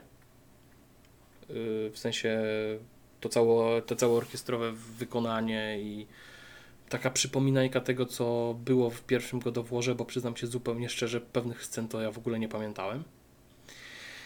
No ale na następny dzień przyszedł dzień premiery, no i się pojawił God of War Ragnarok. No i teraz ja, ja, ja tak naprawdę nie wiem od czego zacząć, bo nie wiem czy się zapytać, no jak się grało Harpenie, no ale No to ja zacznę od tego, że od swoich doświadczeń z nowymi częściami God of War. Zacznę od tego, że do edycji z 2018 roku podchodziłem kilkukrotnie. Na PS4, na PS5 i potem na PC, pisząc recenzję PC-owego wydania na gramie. I kurczę, jakoś mam tak z tą grą, że coś mi w niej nie pasuje, dochodzę mniej więcej do połowy, ale no nie czuję takiej potrzeby, nie mam takiej mobilizacji, żeby to przejść. Trochę mnie irytuje postać Atreusa. Trochę mnie irytuje to, takie, ktoś powie głupoty, ale właśnie te głupoty też składają się na taki cały odbiór gry. Nie podoba mi się trochę ten nowy Kratos, nie podoba mi się to, że jest ta relacja z synem. Nie przekonuje mnie to, dla mnie trochę jest nieczytelny ten sposób, e, teleportowania się między światami, ni to taki otwarty świat w tej grze, ni to półotwarty, nie wiem jak to dokładnie określić. Same starcia z przeciwnikami są naprawdę fajne, ale potem sobie poczytałem po premierze Ragnaroku, jakie są opinie niektórych osób na Twitterze i wiele takie nie chodzi mi o te pozytywne, gdzie ludzie wychwalają grę, dając 9 na 10, ale właśnie takie stonowane, żeby nie powiedzieć jeszcze inaczej. Mhm. I wiele z tych opinii pokrywa się z moimi odczuciami, więc uznałem, że skoro ten pierwszy God of War był dla mnie jaki był, to nie ma co próbować grać w Ragnarok, no bo będzie właściwie to samo. Mhm. Więc ja swoich wrażeń jako takich nie mam, tylko mogę powiedzieć tyle, że ewidentnie chyba nie jestem targetem tej gry. Znaczy ja ogólnie, wiesz co, największy problem jaki miałem z God of War'em przez ten cały czas i też zresztą o tym pisałem, to jest sam fakt tego, że ja nie wiem dlaczego, ale w przypadku Ragnarok strasznie długo mi się to wszystko rozkręcało. I o ile rozumiem potrzebę pewnego takiego, wiesz, nadania wszystkiemu pewnego biegu, jakiegoś tam, wiesz, mm, powolnego rozprowadzania pewnych tematów, tak po prostu momentami miałem wrażenie, że zaraz zasnę. I nie wiem, czy to jest kwestia tego, że Sony Santa Monica w ten sposób opowiada historię, że dopiero w drugiej połowie faktycznie zaczęło się coś dziać i rzeczywiście mm, zaczęło mnie to jakoś ekscytować nawet. Chociaż powiem zupełnie szczerze, ostatnia sekwencja trochę mnie rozczarowała. Yy, zresztą miałem takie wrażenie, że te, te, te końcowe starcia są zdecydowanie łatwiejsze niż niektóre walki z przeciwnikami wcześniej, co jest, co jest absurdem. W sensie ja nie mówię o boss fightach, ja mówię tutaj o tym, że walka czasem z pięcioma przeciwnikami naraz była trudniejsza niż walka z no, bossem. To ja chyba Ci pisałem jakiś czas temu na Messengerze, jak sobie włączysz God of War na easy, to ile razy musisz wcisnąć R1, żeby pokonać zwykłego mopka? Mhm. No tam z 6-7 chyba, tak na oko. Mhm. A w Dark Souls pierwszym, który uznawany jest za trudne, nawet jeśli chodzi o walkę, przecież pierwsi przeciwnicy padają po dwóch ciosach. Mhm. Coś tu chyba jest nie tak. Znaczy wiesz co, ja, ja cały czas mam ten taki problem wewnętrzny z tym, że e, gramy Kratosem, to, który jest przekoksem, jeśli chodzi o świat gier i właściwie większego gościa i wiesz, takiego kozaka niż Kratos, to kurde nie ma w tym świecie ale z drugiej strony, okej, okay, yy, zagrajmy w otwarte karty. Yy, jeżeli całość z Kratosem działałaby na zasadzie filmu Logan, że mamy starego bohatera, który no już po prostu no, no, no już pewnych umiejętności już nie ma, chociaż wytłumaczenie dlaczego y, Kratos nie może wykorzystywać umiejętności z Grecji y, jest wytłumaczone więc to już, to już zostawiam dla tych, którzy się, Ale którzy się takiego, interesują lore. Do takiego świata. koksa jak Kratos właśnie tak nie wiem, za bardzo mi to kontrastuje ta postać z tym, że on się synem opiekuje w tych grach. Wiesz co, tak, ale mimo wszystko jednak to nadal jest bohater, który kurczę w pewien sposób, wiesz, wiesz że jak grasz Kratosem, to grasz yy, takim, no po prostu gościem, który rozwala wszystko i wszystkich. Właśnie to jest taka trochę, trochę taki trochę kontrast w temacie Gungrave'a, że w Gungrave'ie jest, twórcy wpadli na pomysł taki, jesteś gościem, który mieli wszystkich, baw się dobrze, po prostu. W przypadku Godowora masz tak, że na początku masz tego Kratosa, takiego smutnego, zmęczonego Kratosa i faktycznie im dalej w las, im więcej tam tych, wiesz, już przeciwników rozwalisz, więcej expa masz, już tam, wiesz, sobie ulepszysz broń, pancerz, to dopiero pod koniec gry czujesz, że ten Kratos jest Kratosem. Tylko motyw jest taki, że tam, wtedy przeciwnicy pojawią się, kurde, na niższych poziomach trudności niż powinni bo na przykład ja mając zestaw na poziomie szóstym, tak, bo to tam jest to skalowanie poziomów, nie? Mhm. To ja będąc na poziomie szóstym dostaję przeciwników na poziomie czwartym, piątym. No a wcześniej jak gram w grę, to na przykład wyskakują mi przeciwnicy na poziomie piątym, gdzie ja jestem na trzecim. No i teraz pytanie za 100 punktów brzmi, czy ktoś tutaj coś nie popełnił jakiegoś błędu, problemu, cokolwiek. Yy, już nie mówiąc też odchodząc od tego, że ok, relacja Kratos-Atreus, ja przyznam się szczerze, że ok, pod koniec mi się spodobała, ale cały czas mam problem z tą dynamiką tych postaci. Yy, ogólnie nie wiem, to jest takie, to jest, tam jest tyle różnych dziwnych zagrań fabularnych, że ja momentami miałem wrażenie, że ja już nic nie wiem. Yy, nawet wiesz co, trochę coś, trochę coś na zasadzie. No, zabiłeś mi syna. No spoko. już, już, już, już jest wszystko ok. Wiesz, to jest takie. No nie wiem. To nawet nie jest spoiler, bo nie powiedziałem kto kogo co, żeby nie było, że ja to zaspoilerowałem. Nie, nie, nie, bo ja nie powiedziałem kto kogo co. To, to, to już, jeżeli myślicie o tym, o kim myślicie, to nie do końca to chodzi. Ale tak czy inaczej, tam jest. To jest ciężki wiem, to... temat ogólnie. Tak w pewnym momencie miałem wrażenie, że Kratos mógłby stanąć, nie wiem, pamiętasz w 13 posterunku jest taka scena, kiedy Arni stoi z takim transparentem jest napisane stop przemocy. Aha. To ja, myśl, to ja myślałem, że Kratos tak może stanąć z takim transparentem z kwiatki napisane stop przemocy. Bo naprawdę w takim, tak w pewnym momencie się czułem, że Kratos robi się w Peacemakera. A propos I... takich y, niepasujących zupełnie elementów, to mi przypomniało się jeszcze, też mówiliśmy o tym jakiś czas temu, ktoś padł na pomysł w Assassin's Creed Odyssey, żeby Cassandra miała przez jakiś czas syna. Żeby tak pokazać jej taką ludzką twarz, taką, że ona nie jest tylko od zabijania. Ale, ale przecież tak naprawdę w przypadku go do tego mm, Assassin's Creed Odyssey, przecież to wszystko zależy od ciebie, jak ona będzie.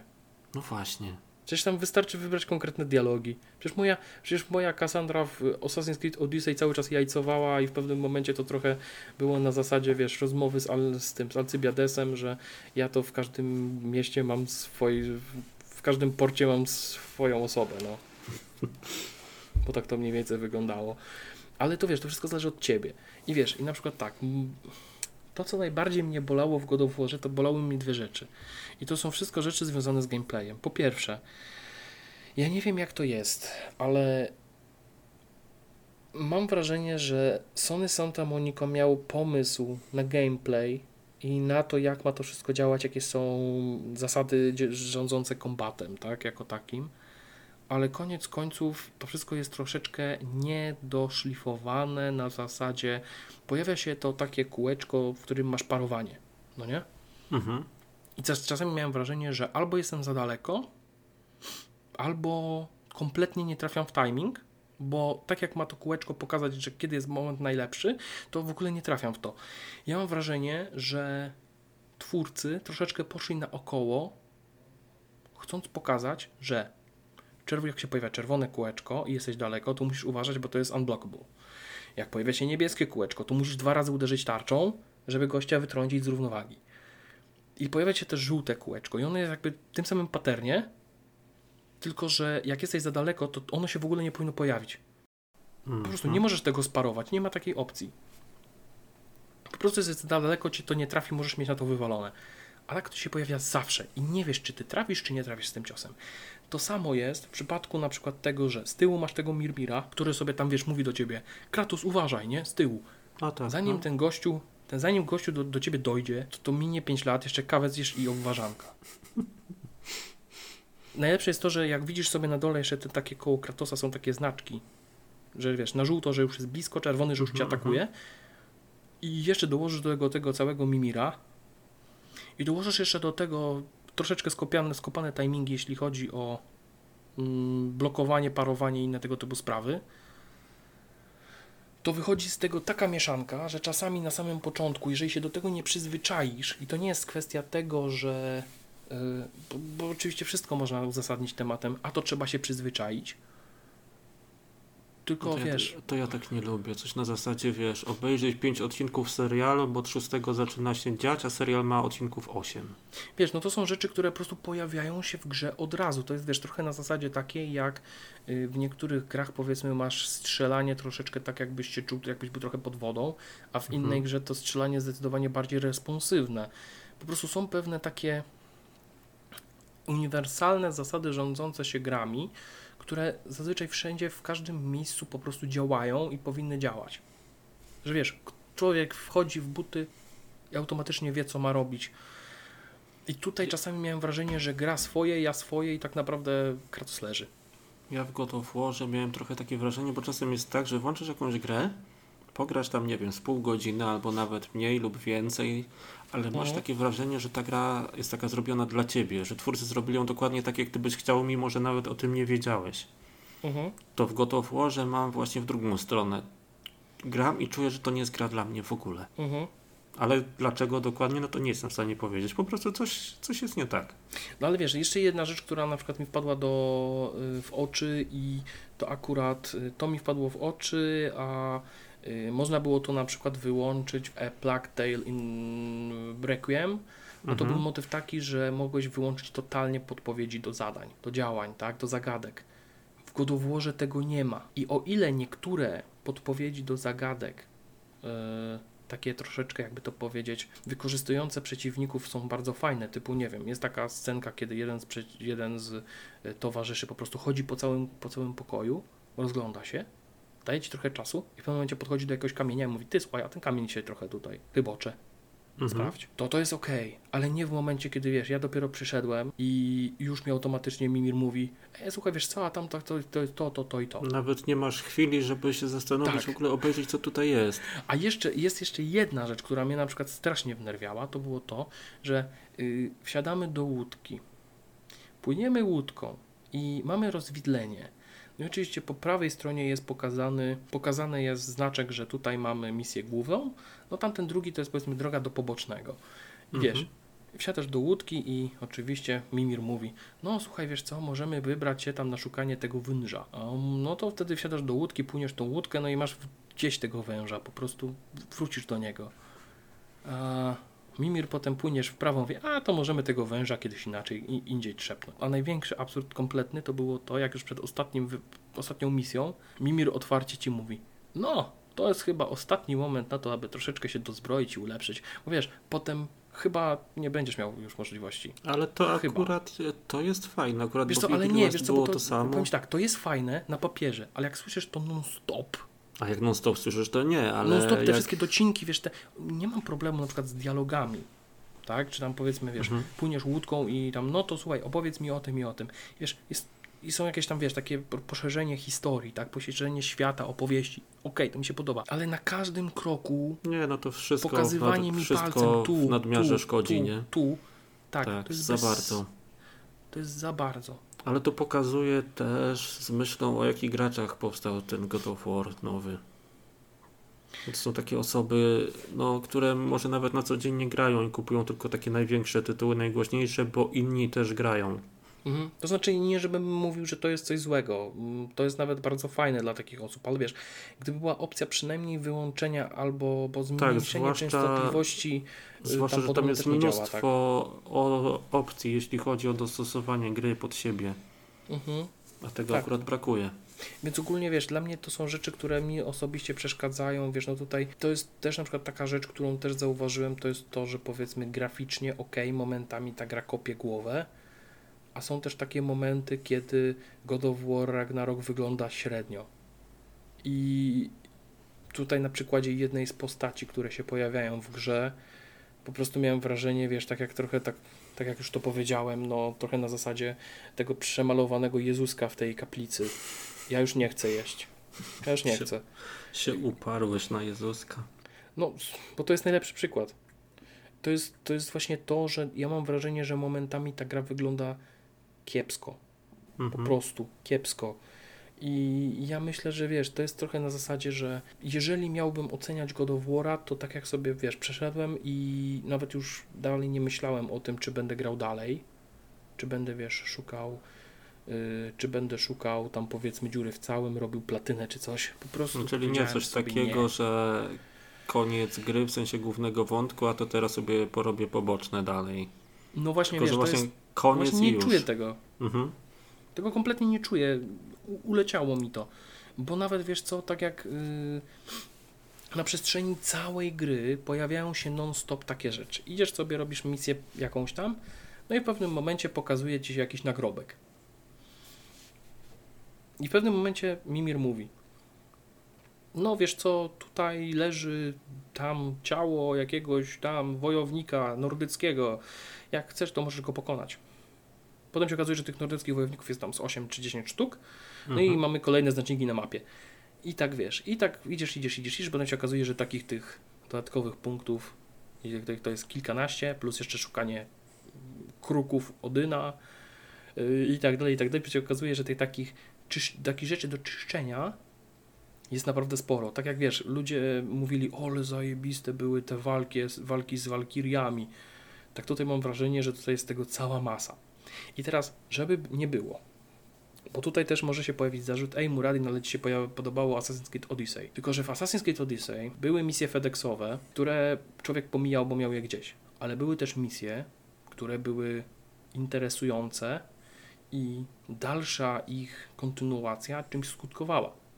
Przykładowo na przykład zabijanie tych y, zwierząt mitycznych, no nie? Mhm. To było super, bo to wiesz, tutaj sobie, nie wiem, jakiś tam, tu musisz znaleźć Minotaura, tutaj musisz znaleźć to, tamto, siamto. I wiesz, i to nie dość, że ci poszerzało jakoś tam świat, tak? Poszerzało ci jakieś horyzonty w świecie, ogólnie w lore tej, tego miejsca, tak jeszcze po prostu miałeś do tego jakieś dodatkowe misje, które mogłeś sobie jakoś tam wykonać. A to wiesz, jakiś śmieszny dialog, a to tam wiesz, Cassandra powiedziała ten Malaka, nie było śmieszne. Ale jest też coś takiego a propos Asasyna Odyssey, że po prostu chcecie się być w tym świecie, żeby sobie go pozwiedzać jeszcze. Mhm. A jeśli w Warze przez 25 godzin co chwilę ktoś ci gada za uchem, mhm. to już nie chcesz tego dalej. Tak, tak. I to jest właśnie, i to jest właśnie ten problem, że mimo tego, wiesz, takiego tam otwartego świata i tego, że tych aktywności jest sporo, to ja nie czuję potrzeby takiego właśnie czyszczenia mapy ze znaczników i starć z bardzo podobnymi przeciwnikami, które, którzy się tak naprawdę różnią tylko i wyłącznie atakami. Y, nie ciągnie mnie do tego totalnie. A, z drugiej strony masz mhm. takiego Gungrave'a, którego skończyłeś i masz ochotę po prostu włączyć to jeszcze raz od nowa na wyższym poziomie trudności tak, bo ja wiem, że to będzie dla mnie wyzwanie jakieś. Tak, będzie wyzwanie, będzie fajnie i wiesz, ale mimo wszystko wiesz, że to będzie to samo. Tak. To jest właśnie, to jest właśnie ten taki paradoks pewnych gier, bo na przykład, yy, wiesz, jeżeli przy czymś naprawdę z, mimo, że marudzę i mimo, że narzekam, czuję dużą frajdę z, z danej zabawy, z danej formuły, to ja po prostu to robię, bawię się tym. Natomiast w przypadku God of War'a okej, okay, pod koniec dobrze już się bawiłem, bo już wiesz, te wszystkie umiejętności, te wszystkie wiesz, ataki, które miałem zrobić, sobie zrobiłem i jakoś to się wszystko spinało do kupy. Tylko problem jest w tym wszystkim taki, że tak naprawdę gdyby God of War od samego początku był taki, nawet na podstawowych umiejętnościach Kratosa, to powiem Ci, gdyby że miałbym Kratos zdecydowanie był więcej fanu. po prostu, tak jak mówiłeś. Tak. Bo jeżeli wiesz, to jest takie trochę, no, no mówię, jeżeli już robimy z Kratosa Old Man Kratos, no to zróbmy to z pełną odpowiedzialnością. Czyli tak jak w Loganie, tak? On ma już mniejsze możliwości regeneracyjne, ok, nadal jest prze, przekoksem, ale już nie takim jak kiedyś. Yy, I faktycznie już nawet powiedzmy ostatecznie, ostatecznie, że powiedzmy niech ten Kratos umrze, tak? Ale koniec końców, no nie, no po prostu dziw, dziwnym jest po prostu, wiesz, to, że Kratos dopiero po wylewelowaniu pancerza jest mocny. No, to nie jest taki, wiesz... To nie jest to God bardziej... of War, bo w God of Warze Kratos tak naprawdę... Tak. To jest taki zwykły RPG wtedy, gdzie faktycznie czujesz ten rozwój postaci, ale takiej anonimowej, którą sam sobie tworzysz. No tak, a w God of Warze zawsze Kratos miał podobne umiejętności, no tylko wiesz, albo zbierał te artefakty z, grek, z greckich bogów, albo mu się wydłużały paski. Mhm. No ale to jest tylko tyle. No okej, okay, wydłużenie pasków rozumiem, ale nie kurna to, że dziwnym zbiegiem okoliczności Kratos jest w tym momencie mocniejszy niż był. On zawsze był mocny. Wiesz, i to jest właśnie ten taki konflikt, jak ja to mówię zawsze, konflikt poznawczy, bo ja mam po prostu problem z tym, żeby to wziąć za pewnik. No, tak samo wiesz, i tutaj akurat, żeby nie było, że cały czas marudzę na God of War'a, no nie, bo mm. mówiłeś ostatecznie, że no, gdyby ci się nie podobało, to pewnie byś nie przeszedł do końca tak, po prostu. Tak, gdybym, wiesz co powiem tak, gdybym dostał od kogoś, słuchaj, wiesz co, przejdź sobie go do wora, to pewnie bym go nie skończył. Y, to się, to się też nazywa usprawiedliwienie mm, zakupu, czy coś w tym stylu. Natomiast były fajne momenty w God of Warze, w których bohaterowie byli solo. I na przykład wtedy było faktycznie widać, że te starcia z przeciwnikami były zdecydowanie lepsze. No nie? Mm, widać było, że to jest o wiele lepiej ułożone, że troszeczkę inaczej możesz pewne kombosy robić. To jest super. Natomiast jeszcze jedna rzecz, która na przykład średnio wypadła moim zdaniem w God of Warze, to jest fakt, że mamy też różnych towarzyszy. I koniec końców ostatecznie wychodzi na to, że tak naprawdę każdy z tych towarzyszy ma bardzo podobne ataki, tylko się kolorami różnią. Ja mam takie wrażenie, trochę już nie chcę mówić tutaj o jakości God of War, ale bardziej o podejściu twórców do projektowania całej rozgrywki, fabuły i tak dalej. God of War jest robiony tak, żeby trafić do jak największej gro, największego grona odbiorców. Mhm. I tam są rzeczy, które tak no, mają spodobać się w cudzysłowie wszystkim. I wychodzi, no tak jak wychodzi, już abstrahując od tego, czy to jest gra na 8, na 9, na 7 naszym zdaniem. No Mhm. moim w ogóle nie, bo nie grałem, ale z tego co wiem, jakbym miał potem się zdecydować w ogóle, czy chcę w to zagrać. Mhm. A z drugiej strony mamy takiego Gungrave'a, który jest y, no, adresowany właśnie do osób, które grały w grę na PS2 i które oczekują konkretnej rozgrywki, wiedzą czego się spodziewać. To nie jest gra taka mainstreamowa. Mhm. I ona jest właśnie, no, ktoś powie, że ona jest słaba 5 na 10, ale tutaj, no, zupełnie inne podejście jest do tego.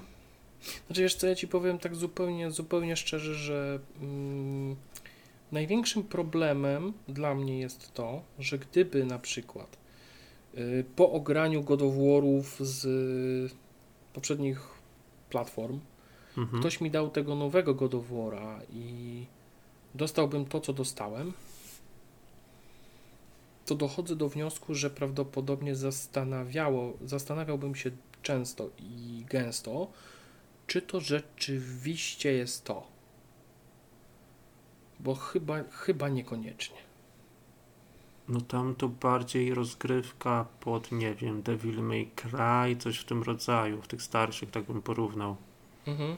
Więc wiesz, to jest, to jest właśnie ten problem i że ta cała zmiana formuły, wiesz, kamery, yy, troszeczkę podejścia do, do, do niektórych tematów, do, no, wychodzi tak, że ja na przykład nadal uważam, że ta kamera z, za pleców bohatera, z ramienia tak naprawdę, Mhm. robi więcej szkody niż pożytku. Bo gdyby była ona przynajmniej troszeczkę bardziej, że, że ta postać byłaby bardziej po środku, to prawdopodobnie byłoby trochę lepiej walczyć w różnych przypadkach. Yy, bo taka kamera, wiesz, ona, s- ona Nawet jeżeli tam... masz te wskaźniki, które informują cię, czy przeciwnik już jest blisko ciebie, czy dopiero nadchodzi, no to faktycznie jakby ten Kratos był tak bardziej na środku i byś miał większe pole widzenia, to byłoby znacznie lepiej, jeśli chodzi o walkę. No, Dokładnie, zresztą wiesz co mówię, no troszeczkę od, oddalenie troszeczkę kamery o te kilka, e, kilkanaście tam centymetrów by sprawiło, że zdecydowanie lepiej można byłoby się czuć na polu bitwy. Mhm. Natomiast tutaj po prostu czasami e, prostu jest taki chaos, dzieje się tyle, że ty nie wiesz co masz zrobić, a jak chcesz coś zrobić, to okazuje się, że wszystko to co robisz nie ma sensu. E, Bo robisz to albo za szybko, albo za późno. Mm, No i tutaj mówię, no tutaj jest niestety dużo problemów właśnie tak czysto, mm, czysto skopanych od strony, znaczy skopanych. To tak, może nie tyle co skopanych, po prostu to jest taka decyzja twórców. Ja przyzwyczajony do grania w tego typu produkcje, wiesz, no przeróżne, po prostu w innych grach nie mam z tym problemów o dziwo. Więc nie wiem, po prostu te timingi są inne.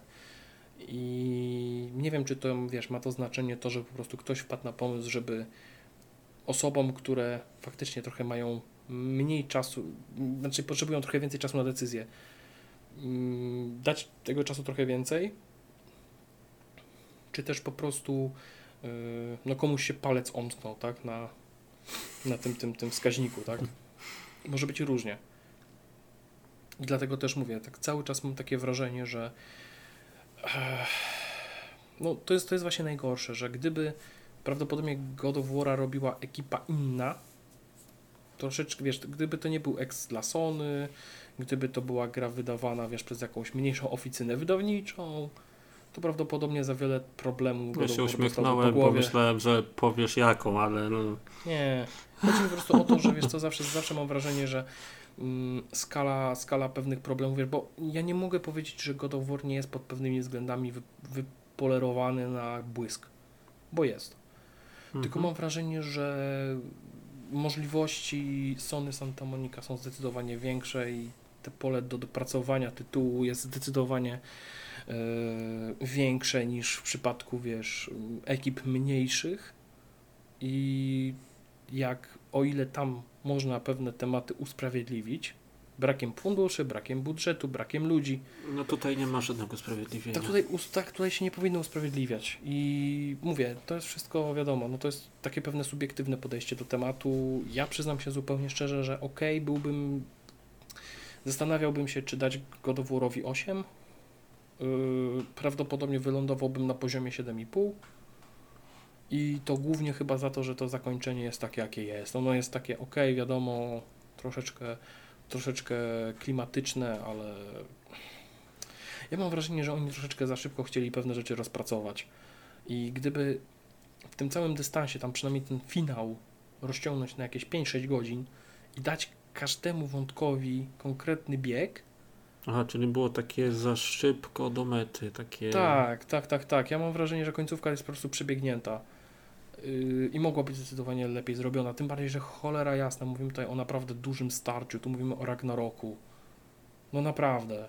Ja uważam, że temu, wiesz, to jest tak samo jak y, kto pamięta y, scenę walki w Avengers Endgame. Przecież na tą samą scenę batalistyczną chyba nie wiem ile tam wzięli i ten 40 minut z czasu filmu? Chyba tak. Cała ta sekwencja.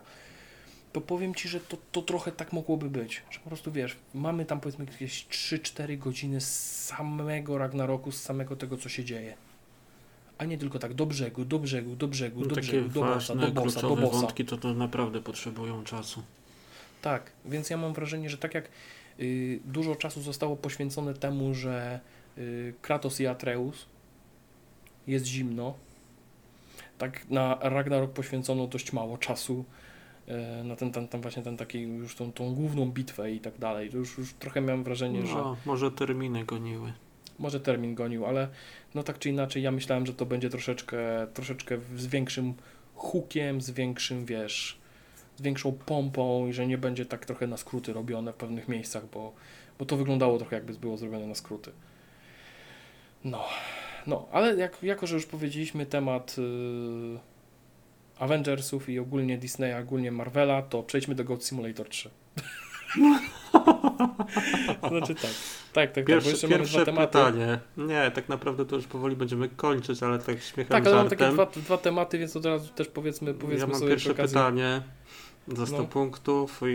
Jak tam Ci się podobał Symulator Kozy 2?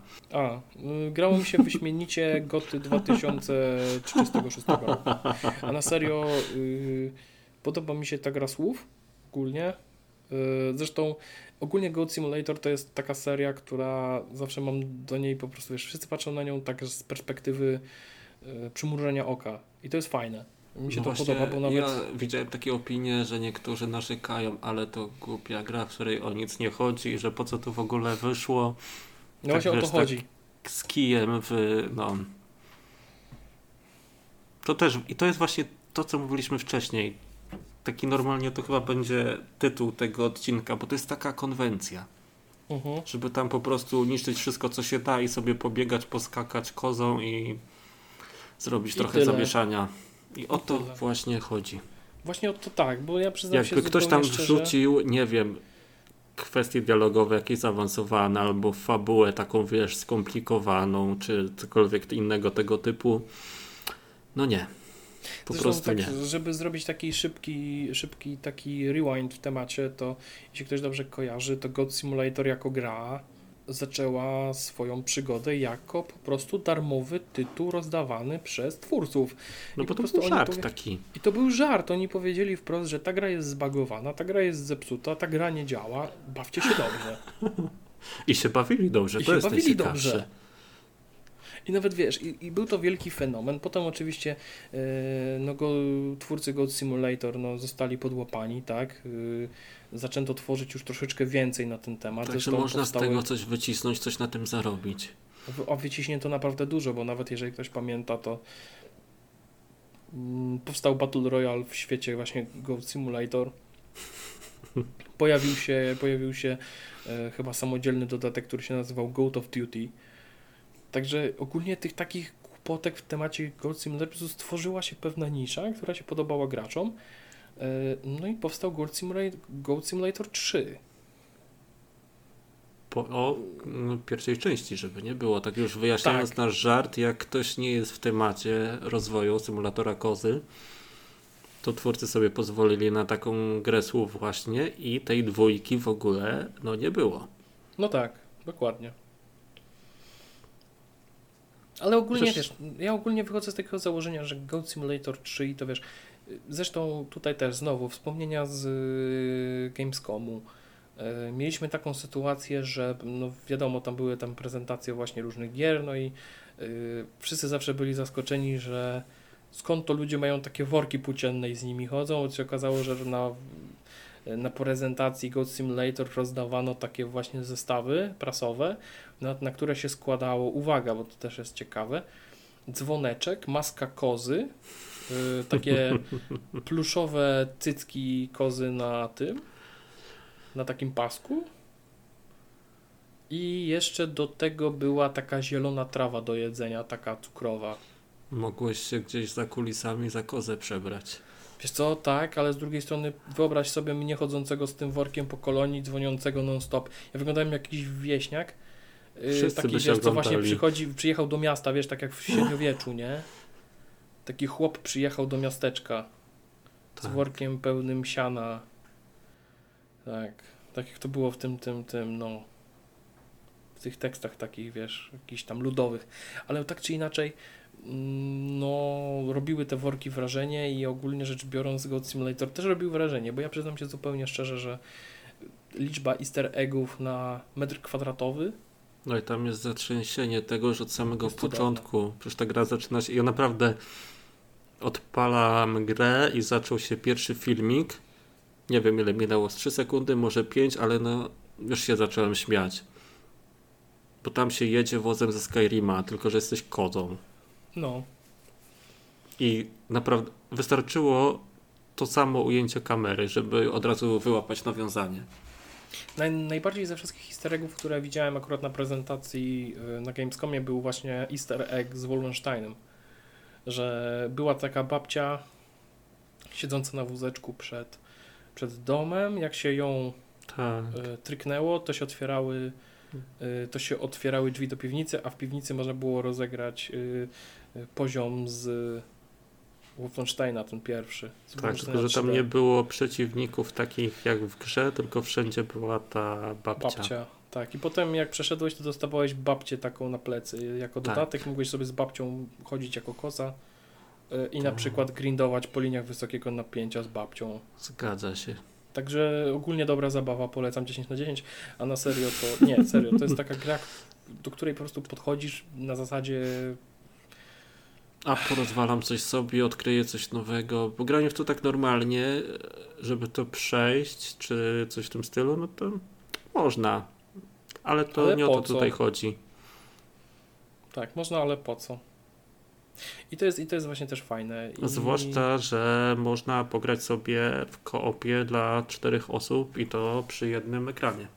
Tak, jeszcze można w piłkę pograć tam, takie wiesz, King Tak, of the Hill, podłoga- jakieś tam cuda takie. Podłoga to lawa, no, No. sporo jest. Jest tego trochę i widać, że tutaj po prostu twórcy wiesz, dostali jeszcze więcej pieniędzy, dostali więcej pola do, do popisu, jeżeli chodzi o szalone pomysły, no i wcielili je w życie i to jest fajne i to mi się bardzo podoba.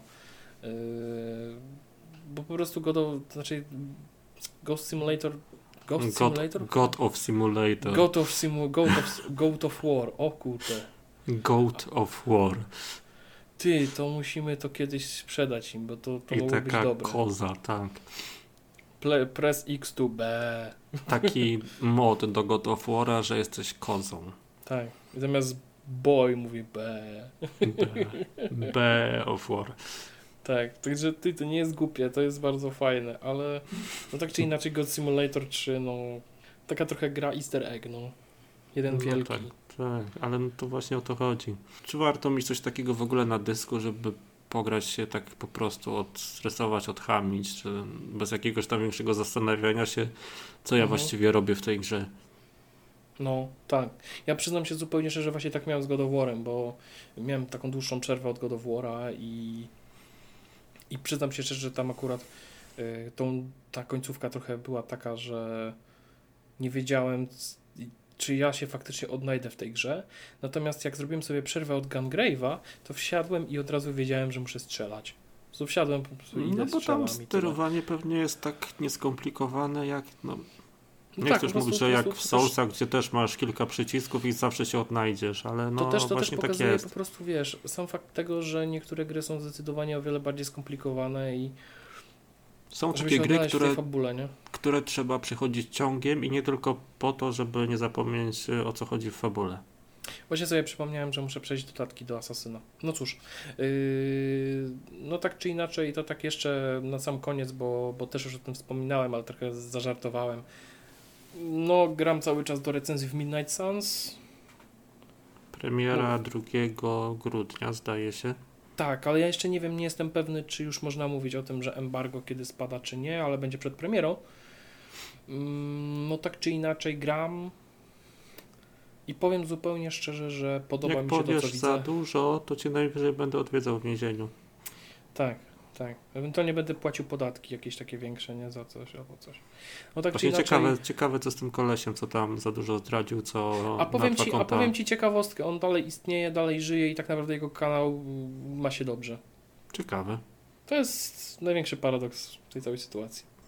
No ale dobra, mniejsza. Yy, Midnight Suns, przyznam się szczerze, że tak jak to powiedziałem, też jak rozmawialiśmy wcześniej, dla mnie to będzie idealna gra na Switcha i trochę szkoda, że wychodzi ona chyba w przyszłym roku, ta wersja Switchowa, dlatego Tak, że to wychodzi na powiązanie- Switcha i na starsze te, na PS4 i na Xbox One zdaje się. Tak, no i ta wersja Switchowa miałaby naprawdę duże wzięcie, bo przyznam się szczerze, że ten system mm, karciany i ogólnie tego kombatu takiego turowego, bazującego na kartach jest naprawdę fajny, bo to jest fajny taki odwrócony XCOM, czyli to nie jest tak, że my idziemy w nieznane i szukamy jakichś tam alternatyw, liczymy procenty, dlaczego z shotgunem 40, 95 nie trafiamy, no nie i tak dalej.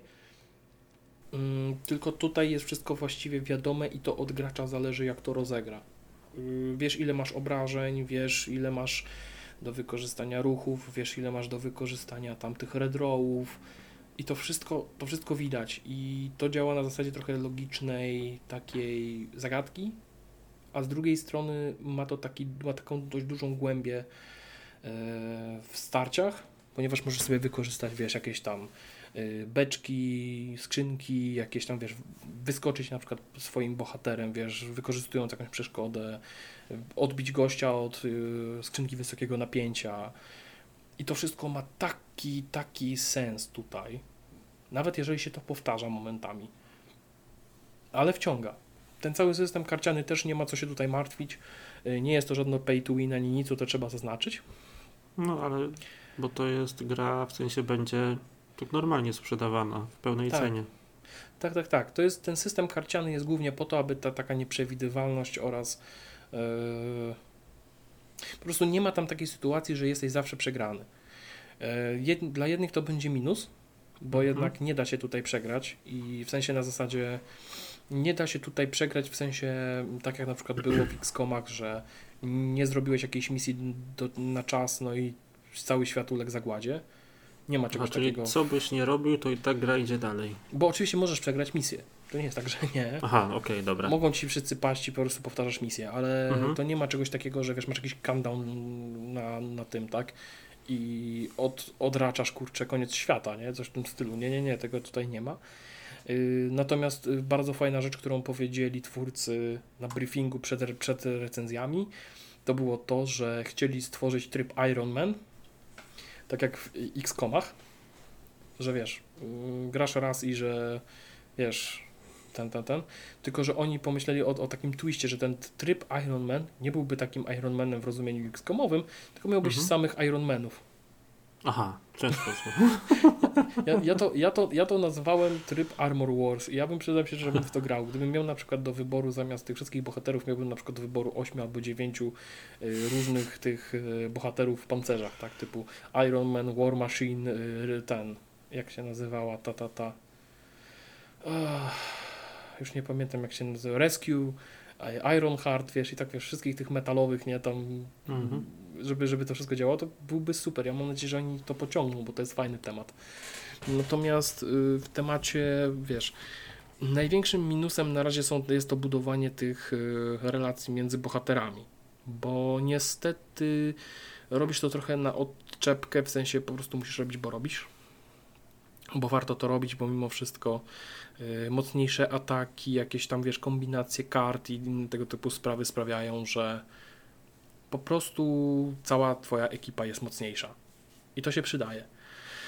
Tylko, że to wszystko jest tak zero-jedynkowe, na razie przynajmniej, przynajmniej w tym pierwszym akcie, że nie wiem, czy to faktycznie później, jak się tam powiedzmy pojawią jakieś misje związane z konkretnymi bohaterami, czy faktycznie, wiesz, zmieni się coś, wiesz, w moim życiu, tak jak w Mass Effectie, także pojechaliśmy z Garusem tam postrzelać do fiolek, nie?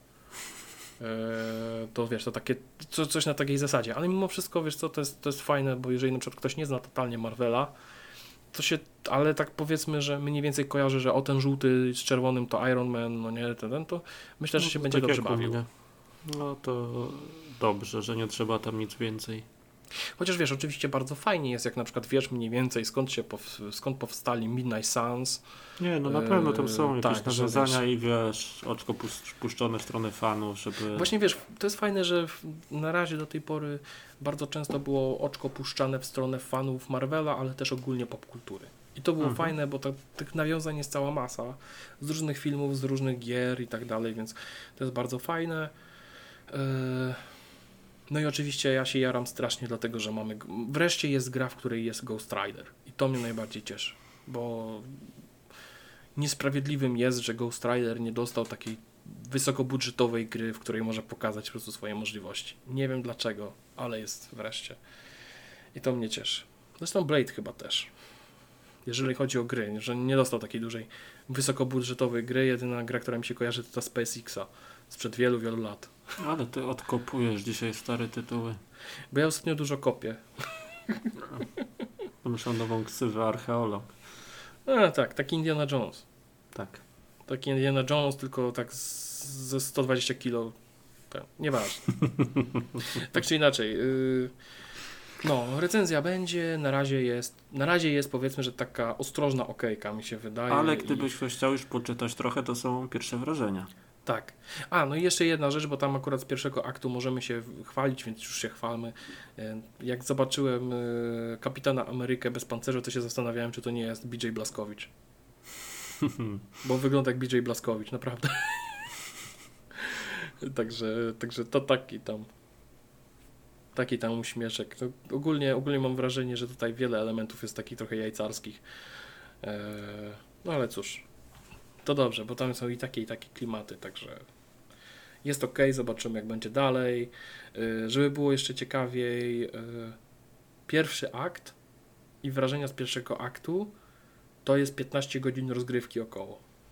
Ale to się zapowiada na dość długą grę. No na długodystansową grę. Dlatego myślę, że jeżeli na przykład ktoś by mm, zagrał w Midnight Suns na Switchu albo na przykład na Steam Decku, to by trochę wygrał, bo prawda jest taka, że to jest taka gra, którą można zagrać wiesz, do skoku. Yy, włączasz sobie, porobisz sobie tam z 3-4 misje, porobisz sobie jakieś tam wiesz, dodatkowe misje związane z bohaterami, odchodzisz i nie tracisz dużo, tak? Bo mniej więcej wiesz o co chodzi w tej grze non-stop. Nie Czyli tracisz nie wiesz, ma jakiejś ścieżki czy jakiegoś- czegoś. Nie ma Tak. dużego nacisku na fabułę w tej grze. No tak, bo możesz robić sobie misje poboczne, możesz sobie robić misje główne, możesz jeszcze Mhm. jakieś tam, wiesz, tam misje specjalne, dla, dla, na które wy, wysyłasz konkretnych bohaterów. Masz oczywiście ten cały system tam armor i, i tak dalej, tam tych badań. E, masz treningowe tematy typu, wiesz, tam ulepszanie kart i w ogóle. Tworzenie deku jest tak naprawdę związane z tym, że masz konkretne znaczy tutaj jest jeden minus, że faktycznie nie ma możliwości tworzenia takiego takiej talii typu same karty związane z atakiem, Mhm. w sensie takie wiesz heavy, heavy class cannon atak, no tylko, że musisz wybrać konkretne, konkretne tak, to, to jest bardziej chyba związane z balansem, tak, żebyś nie przegiął. Bo są tam chyba cztery karty ataku, dwie jakieś tam takie e, utility i tam powiedzmy dwie karty e, takie czysto defensywne. No i po prostu musisz sobie z tego wybrać. I to jest o tyle fajne, że po prostu zachowujesz tutaj pewien balans i zawsze trafisz jakąś kartę. To nie jest tak, że wiesz, y, no karta mi nie idzie, nie? I non stop, i kurde nie trafiam. Tylko po prostu zawsze jakąś, jak, jakiś bohater coś, coś tam będzie miał. To nie jest tak, że nie. No, także na razie, na razie, no jaram się, jaram się przeokrutnie, jestem ciekawy jakie będzie zakończenie, jakie są plany na przyszłość i tak dalej. Także, no. No to chyba tyle. Tak dzisiaj, dzisiaj mamy dużo o grach. A to ciekawe, nie? Chociaż też, no, trochę o tym ocenianiu też było. To też ciekawy temat. No tak, w ogóle właściwie mam takie wrażenie, że tak jak powiedziałeś wcześniej, główny temat dzisiaj to jest e, koncepcja. Tak. Koncepcja, konwencja, jak zwał, Koncepcja, tak zwał, konwencja. kto jak chce. Po prostu, po prostu właśnie- czasami, żeby z, zobaczyć pewną grę, trz- musi, warto jest po prostu spojrzeć tak troszeczkę, wejść w buty twórców i zrozumieć, jaki był zamysł pierwotny, bo takie bezmyślne czasami ocenianie niektórych tytułów, mam wrażenie, szkodzi im bardziej, jeżeli nie, nie zrozumiemy, jeżeli nie porozmawiamy z twórcami, jaki oni mają na to pomysł Tak.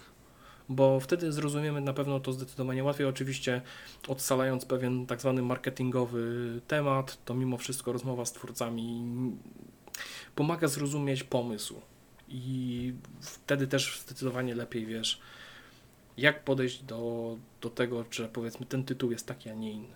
Bo wyobrażenia i oczekiwania to jedno, a mimo wszystko jednak trzymanie się pewnej konwencji oraz pomysłów to drugie. No właśnie. Także tak. I tym akcentem, czy optymistycznym, czy raczej nie, to już To znaczy, ja bym tylko chciał ewentualnie tak powiedzieć, jak już na koniec, że tak chciałem tym zacząć ten odcinek. Ja myślę, że Aha. ja nie wiem, czy kojarzysz ten taki obrazek y, z tego w, takiego komiksu przygody Tintina y, z takim gościem, że y, o, to chyba już jest, to chyba już jest koniec tygodnia, nie? Znaczy nie, że co za tydzień, nie? On mówi, nie, Mhm. szefie, kapitanie, to jest dopiero środa. To chciałem powiedzieć, że wiesz, to tak właśnie w ten sposób, że ale to był miesiąc, nie? Dużo gier. A ty byś powiedział, ale Muradin jest jeszcze grudzień. No ale w, co będzie w grudniu? Aha, no o, dobra, będzie. będzie w grudniu. Właśnie tu chodzi, że będzie w grudniu. Trzy gry będą w grudniu, z tego co kojarzę, takie na pewno warte uwagi. No, na pewno. Callisto Ja Protocol, Need for Speed i Midnight Suns. No, to już są trzy. A co tam jeszcze dobrego?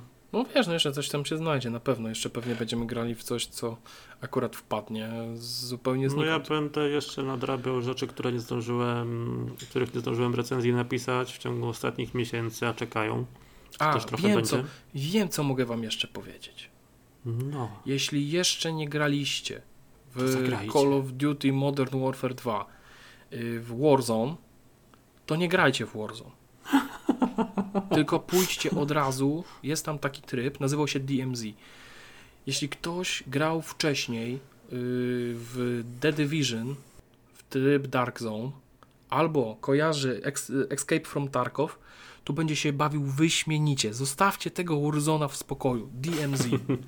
Bierzcie ekipę, wbijajcie tam, grajcie w to, bo to jest takie dobro, że aż boli. Naprawdę, polecam. Jeżeli nie graliście, Polecam to... i zapraszam Michał Muradin Piotr- Grabowski. Tak, Piotr Franceski. tak, DMZ, ja jestem teraz w tym momencie, wiesz, yy, jestem w tym momencie orędownikiem. Niech, pozost- niech zostawią tego Warzona w spokoju. To DMZ Mhm. niech rozwijają, bo to jest naprawdę dobry pomysł. Tym bardziej, że nie skupia się na Battle Royale. To jest wreszcie coś, co w, w innych grach kiedyś było, ale no, było średnio wspierane. Tak, także polecam, jeżeli ktoś jeszcze nie grał. No, teraz możemy kończyć. Także Dziękujemy bardzo za dzisiaj i do do usłyszenia. następnego. Tak, jeszcze przed świętami się usłyszymy przynajmniej. A to na pewno i to pewnie Kilka, nie I to raz. jeszcze nie raz. Tak? Tak, Także tak, do usłyszenia. cześć.